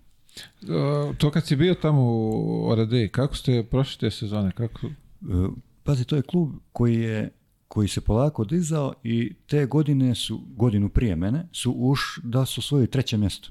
Mhm. Tamo se igrao ni za treće, dobioš medalju, mhm, sve ono što je mhm, veliko. Nije samo final. I to je bilo wow i, i tako su zaslužili igranje u FIBA Euro Challenge, kup, kako se zvao te godine, ne znam nije. I onda su, naravno, imali su veći budžet i gledali su da naprave ozbiljniju ekipu, tako sam ja došao, trebao im je naravno neko sa CV-em da im odigraju i, to, i tu Evropu. I nevjerojatno ostaje žal, te godine igrali smo fenomenalno, finale kupa izgubimo i to igramo od, sa, od ovaj, od ovaj, Targu, Targu, Targu živ. Targu živ te godine izbaci Asesoft, i mi dolazimo, to je, ono, kao da sad Zvezda igra sa, ne znam, nekim iz KLS. Pa dobro, možda nije tolika razlika. Dobro, dobro. Jer je Euroliga sad velik, naš. Ali ono, mi dođemo tu, krene prva četvrtina, 21-5, tako nešto za nas. I mi uspijemo da izgubimo tu, tu utakmicu. Jedino moje finale kupa koje sam izgubio. A imam ih 5-6, ne znam ja. Ja sam poludio. Poludio sam. To je teže, teže je bilo izgubiti nego pobijediti utakmicu. Nevjerojatno. I igramo s softom finale playoffa, 3-2 ispanemo, ne ispadnemo nego u finalu ovaj, izgubimo u zadnja tri minuta. Je bilo malo, što bi se reklo, To bilo je da. Pazi, kreće finalna serija, izađeš na teren, vidiš da se oni boje nas. Mi igramo kao, kao zver igramo. Ali njih ima Prva utakmica, mi, mi dobijemo prvu utakmicu. Oni ne znaju šta se desilo. A igra se, tamo ti se igralo, ne znam da li još ovaj, to praktiku, dan za dan igraš kao dva, dva, jedna, ali igraš te prve dvije. Mi gostujemo njima, igramo petak, subota. Dvije utakmice, znaš, nema odmora. I to je bio šok. Mi sutra dan krećemo, kreće oni, vidiš ti, boks kreće, znaš, ono, rvanje, boks, ovi ništa ne sviraju, vidimo mi o čemu se radi. Mi tu tri četvrtine ga, četvrta četvrtina ne možeš, izbacite s pet ličnih kako to sve ide ništa, ajmo, kod nas treća utakmica, oni nas i treću, oni nas dobiju, oni vode 2-1. Mi izjednačimo na 2-2 i idemo odlučujući kod njih igramo. Počinje peta, mi kao sat, pa, pa, pa, pa, pa, pa, oni natežu, ali ne mogu, ne mogu sudije ništa naš. Zadnja dva i pol minuta, ne znam, ja neka trica iz Ćoška, Ante Krapić nam pogodi. Ante Krapić, Ante nam pogodi, ja ga dovedem posle sljedeću godinu kod nas pogodi nam on iz ugla i tu je prelom i nešto u zadnje nešto sekundi, nekoliko do kraja, nemam pojma. Odvonim sad lupam s dva na pet, izgubimo tako prvenstvo. To je to, ćao. Ali na što je to za Rodeo bio? Finale kupa, finale igraš playoff, a do tada su, znaš, ono, nisu playoff nikad igrali. Oni Godinu kako se zove, slavili finale kao da su osvojili. Dočekali nas, doček bre u sali našoj. Da, ne taj dan, napravili kao specijalni happening, posle dva dana, tri, oproštaj od sezone, da nas dočekaju, ono, sala nas dočekala, svi iz grada, ludilo. Pa gledao sam sad e, pre godinu, dvije, isto su nešto, da su, su titulu Oni su osvajali nekoliko titula posle mene. Tako je, da, i vidio sam, pošto ima par naših momaka tamo koji igraju. I rasli sam, su, rasli su, da, iz godine u godinu. Tako je, i baš to što kažeš, ono, bre, trg neki na napolju, nešto to lepo, ono, Ma da, to su oni što organizovali gledanje finala. Ne, mislim da su izašli ono sa a to kad medaljama, da, šta je bilo da je mm. onako... A, a finalne utakmice su organizovali kad igraju, kad gostuju, veliki video bim i na trgu gleda se. Tu bude... Pa to je divno. Te 3000 ljudi, možda i više. Ko, koliko je to grad, šta je to? Koliko pa oko hiljada, mislim. Upa, nije, nije malo. Nije, nije mali, ali ono, simpatično, znaš, baš je... Pa dobro, ali to je isto ono, da oni navijaju za svoj klub Kako i ne, svi su u bojama, dođu na utakmicu u bojama kluba, u majicama, šalovi, hoćeš. Kod nas ovdje kad gostuje Zvezda Partizan, cijela hala navija protiv tebe. nema onda deset ljudi. mi smo zakačili, zakačio sam ja ono, one derbije kad je bilo pola-pola. Ne, ali kažete za ove klubove koji iz unutrašnjosti. A, to. Kad dođe Partizan i Zvezda prije... Pa da, da, da, oni, oni, treni, oni navijaju za, za Zvezdu iz Tako je, pa da, pa i rodbina, bre, i ovi tvoji koji dođu da gledaju i oni navijaju protiv jest. tebe, jer kao, znaš, to, e, to je, to je malo mi onako krivo. Lupam, evo, sad metalac valjao. Znači, bre, treba celo valjao navija za taj klub, to je njegov tako. klub, će da držiš tako se je, tog lokala je. svog i da budeš ponosan na, na da to. Da se poistovijete sa klubom svojim, naravno. Pa tako je. je, ali kod nas je sve ovaj, tako malo drugačije, šta da, šta Ovaj, kad počinješ da, da razmišljaš ti o kraju karijere? Pa, nekako se to desilo neplanirano. Dobro, moram da još dvije godine prije Orade u, u Larnaci na Kipru, ovaj, stvarno predivne godine, gdje sam prvu godinu došao došao kod njih, već je krenula liga, tri utakmice su prošle, oni u nekom kanalu, kao ajde, bili došao kod nas, da nas meni se tad rodio prvi sin i ovaj, odlazim, ono, malten devet dana poslije nego što sam rodio. Prihvatam posao, ili moraš da, da opet da prihvatiš posao i okrećem taj klub, ovaj, ono, upside down, totalno, oni samo normalno što sam radio, koji svuda naš, dobar trening, disciplina, dobro ponašanje, dobre, dobre partije, mi krenemo da dobijamo ovo ono predsjednik. A predsjednik, direktor, trener, pomoćni trener, svi su tu bili generaciju, 4-5 godina smo bili svi starosti, svi smo bili onako. I, ovaj, I oni ono, wow, zapale se idemo da ostavimo titulu sljedeće godine. Šta ćeš da ostaješ kao naš? Ako polako ljudi da se vratim, re, polako ćemo priča, naš, i oni imaju fore, ja dogovorim s njima i sljedeću godinu i uzmemo titulu, prvu u istoriji njihovu. I naravno desi se banke, kriza, moram da napuštam. Ali to recimo u tom klubu bi ostao ono, do kraja. Tako da odlazim u Radeju. Dvije isto super godine u Radeji. Druge godine smo imali dosta povreda, dosta gdje sam se ja šalio malo ovaj, da sam igrao poziciju 1 i 4 te godine zbog povreda. Ja kao najstariji, to nisam imao problema s tim, na svu sreću, pa sam morao i da pokrivam onda i svi krpio sve. krpio sve rupe i tako smo se sastavljali, jedva smo, plejo smo obezbijedili, ali ništa oni to nisu ovaj, ni, nikome ni zamjerili, ništa, shvatili su, naš, takva je sezona, prosto idemo dalje i nastavili su da rastu kao, kao klub. Na kraju te sezone ja u glavi Ivan, Ivan mi dalje agent, naravno, pričamo, ono, mislili smo da ćemo da imamo makar iz Rumunije tri četiri ponude najjače, znaš, da će ostati Oradeji, da će imati Kluž, da će imati, ne znam, Temišar te godine koje pravi ekipu. nevjerojatno se napravi situacija da zatvori se tako da, da nigdje nemam neku dobru, da kažeš, ponudu E, najbliži sam bio Targu Murašu koji je svake godine ili igrao finale ili osvajao kup ili isto jako dobra ekipa sa Ivanom Ivanovićem, našim Martinićem, mhm, mm-hmm, mhm, mhm. Martinićem, ali igrao tamo Jelenić, ne znam ko još. Sve jako dobra ekipa i meni je to leglo bi mi bilo. Malte ne se dogovorili, na kraju neki trener Litvanac, da li on nešto je prolomio, da ipak ne ili šta je bilo, ili da li nisu imali oni love ili šta, ja sad nisam se bavio tim puno. E, sezonu da mi ne bi propala polusezona, odlučim da odem u Temišvar koji je upao u financijske probleme. Naravno. To si ti, gdje su probleme. sa Provedem tamo ne, novembar i decembar, da se pokrenem opet malo, tamo odigram opet, dobijemo neke utakmice, ali ja znam da ne mogu tu da ostanem, nema tu ni, ni para, nema, znaš, nije mi to, nije realno i u januaru potpiše na polusezonu za Inter iz Bratislave. Oni prave ekipu sa dva brata Rančika, e, sa, dovode mene, dovode Ronija Taylora na pleju da probamo da osvojimo titul. Dolazim u Bratislavu, Milina, grad vrhunski. Bratislav preda grad, e, dobijem stančinu neku vrhunsku, dobijem, oni kao ne nemamo bolje, Arko, šta bolje. sve, sve, uslovi, ljudi u klubu, vrhunski sve u, na terenu katastrofa. A da, ta dva bratarančika malo su više egoisti. Pio je sam sa u, pa Bilbao smo. Rado, jel? Ko je, ili Martin? Martin. Stariji. Da. Ali to je nevjerojatno. Znači, njima je tu, oni su kući, oni treba da se napretom smjera da dobijemo, da smo tu titulu i da se svi zadržimo koju godinu tu, bre, prelijepo, svi vole nas, a mi dobri, naš, dobri igrače, dobro igramo. Kakvi mi uzmemo kup? Jedva, a playoff ono, odigramo katastrofa, ono, uzmemo treće mjesto. Ali fora je što oni nisu dali da dođe neki, ne znam kojem trebao trener razbiljnik neki da dođe, nego kao nekog starijeg Slovaka. Ništa, znači ja se, ja se više nisam istračao u svojoj karijeri nego kod, na tim trenicima, kao muve bez glave.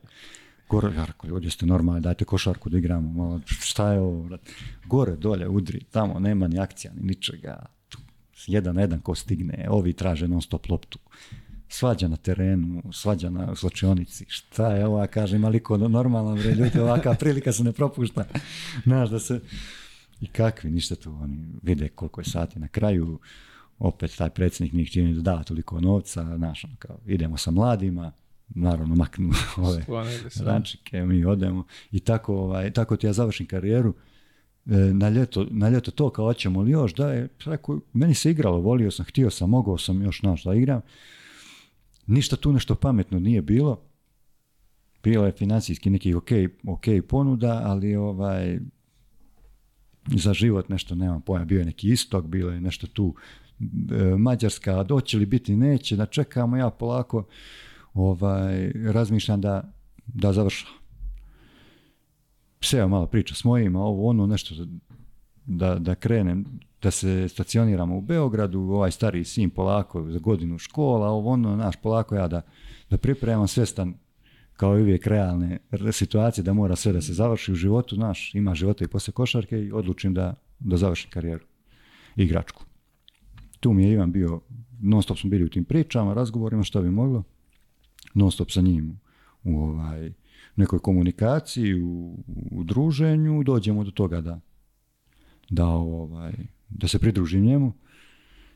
Pirako, što da ne, vraćamo se na onu priču. Sa Bra, ali vidiš, do, dobro je, znači ti si malte ne, nisi imao plan šta ćeš raditi, ali se prilika otvorila i iskoristio bilo je tu, bilo je tu, je tu još jedan plan gdje sam trebao sa, ovaj, da uđem u neki biznis koji, koji se ispostavilo kasnije da nije, nije bio dobra prilika, opet zbog raznih kriza i svega, ja nisam naravno uložio novac na svu sreću i ali nevezano za to krenuo sam sa, sa, ovaj, sa Ivanom. Da, bravo. Polako da, da pratim šta on radi, kako, šta bi ja, gdje bi ja mogao i kako bi mogao da... Što bi rekao da pečeš zanat? Može i tako da se kaže. Pa dobro, vidi, mnogo je bitno, bar ja kako gledam sad, znači radio si nešto što si radio, prestaješ to da radiš, ulaziš u nešto novo, treba ti neko ko zna to da radi, da si uz njega da, da, da pokupiš tako sanat kako god zvali, da, da bi znaš, da ne budeš i tu ono i ispadneš. Ma tako je. Koliko god ti da znaš opet tako je. si novi, kad počinješ. A to je to, on je tu godinama, ono, znaš šta, kako, ti samo uz njega kupiš, učiš i to je najbolja ovaj, Najbolja implementacija u nešto novo gdje, ulaziš, da imaš nekog sigurno, ko je tu, da možda da naučiš i pokupiš. Uh, Pazi, kroz karijeru ti, ajde, sad napriča tu nekih imena raznih. Uh, ko ti je bio najnezgodniji za, za, za igranje protiv njega? Moram da izdvojim Vlada Šćepanovića kao jednog od, jednog od najnezgodnijih za čuvanje. Stvarno na tim mojim pozicijama. Sad ne mogu da mhm, mhm, mhm. gledam tebe da, pozicija, najviše. to je samo, e, mm. da e, to je iz budućnosti, jel tako? Pa da. Uhvatio sam ga ja u Partizanu, ja u Zvezdi, on u Partizanu, nešto kratko. Nešto kratko. E, mislim baš ta Superliga da je bila kad sam se vratio iz OKK. Moće, da. smo tu ta odigrali tu Superligu, playoff nešto. Ali on sigurno je od najnezgodnijih.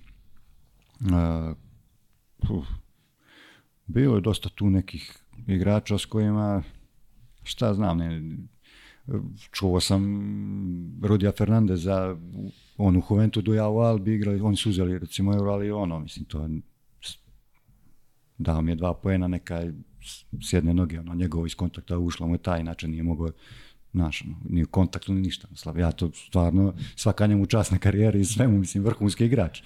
Ali Znaš, ja, takve igrače, znaš, prelagan je on, nije on, nije on neko ko može da ti, ako igraš ozbiljnu odbranu ili individualno ili timski, ne može on da te, da te uništi, po meni, po meni.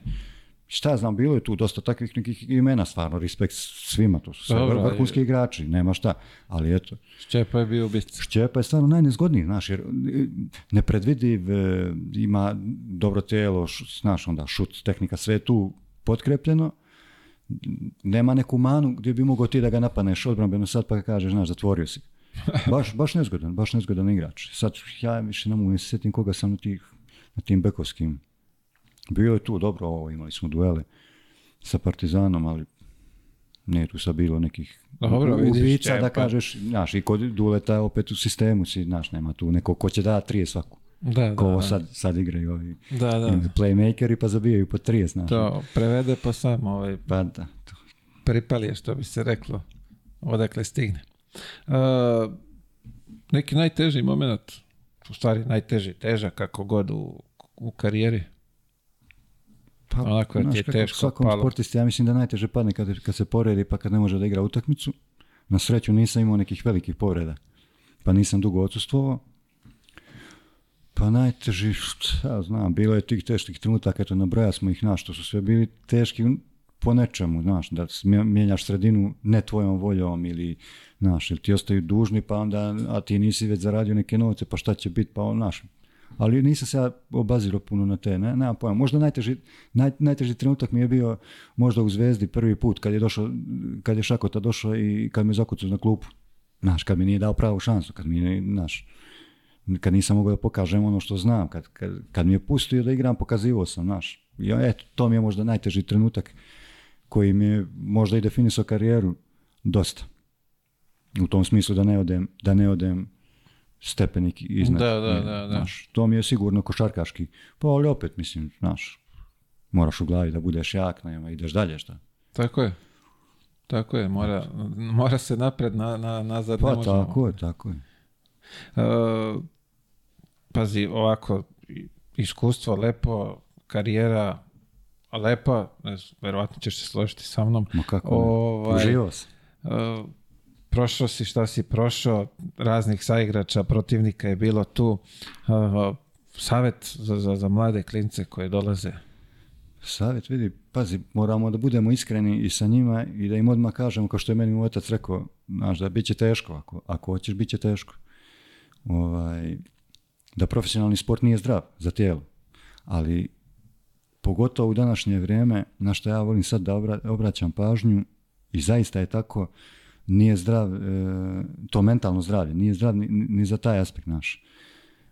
Dosta, dosta znam košarkaša koji su završili karijeru, koji se nisu snašli posle, koji su ili potrošili novac, ili su, ne znaju da funkcionišu da kažemo, normalnom ovom svijetu, razumiješ, da, da nemaju komunikaciju, da, da, da se povuku u sebe, da, da prekinu sve kontakte sa, sa ljudima iz košarke, da e, i mislim da je sve više, da sve više treba da bude akcinat na tom mentalnom zdravlju igrača e, nego ajde, tehnologija, treninzi, sve to otišlo naprijed, znamo kako treba se trenira, kako treba, šta treba se jede, šta šta ne treba da se pije, da bi se produžila karijera i da bi bio vrhunski. Ali glava, tu, tu mislim da je sad trenutak gdje će sve više da se to, da se to ovaj, da to bude e, primarnije, da to bude prioritet, da se u glavi bude, bude zdrav, da kažemo. Šta to znači? Znači, da ti izađeš iz te karijere, izlazi iz karijere normalan da imaš. Da.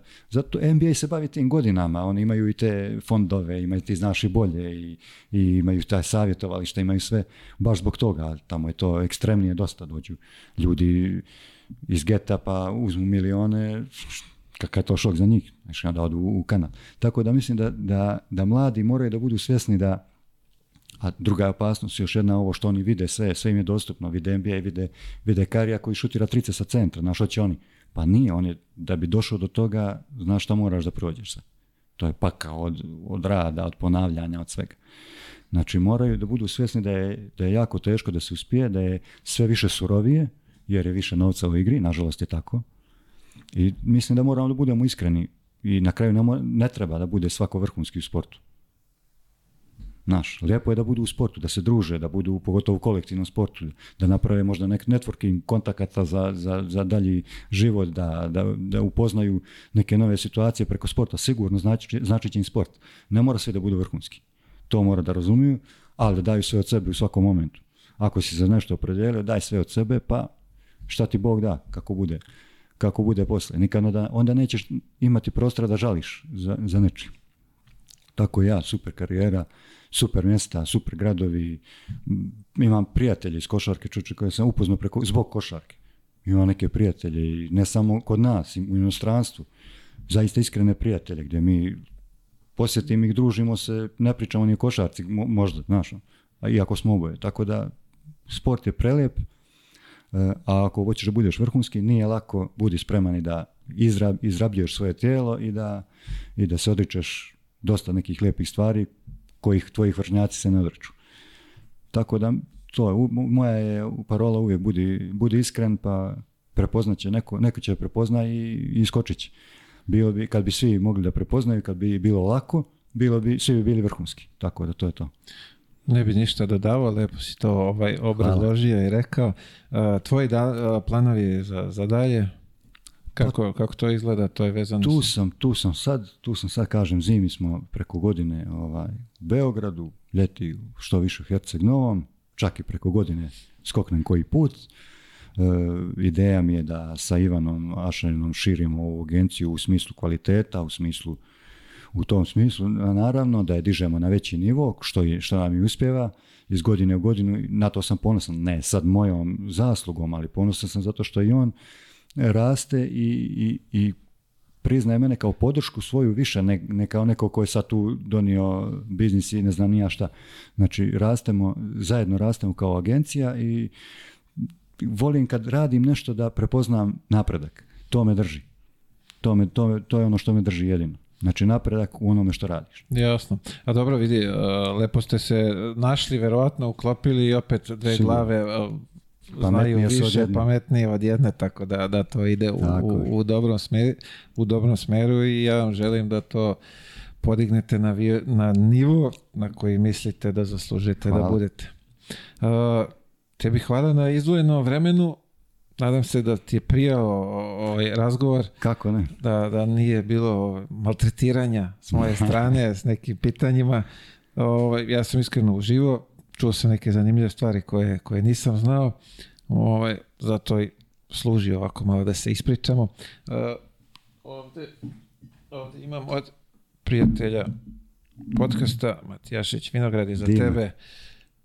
Ne znam da li konzumiraš, verujem da da. Naravno, da. Ovaj, ti si čovjek sa mora, dole vino se pije.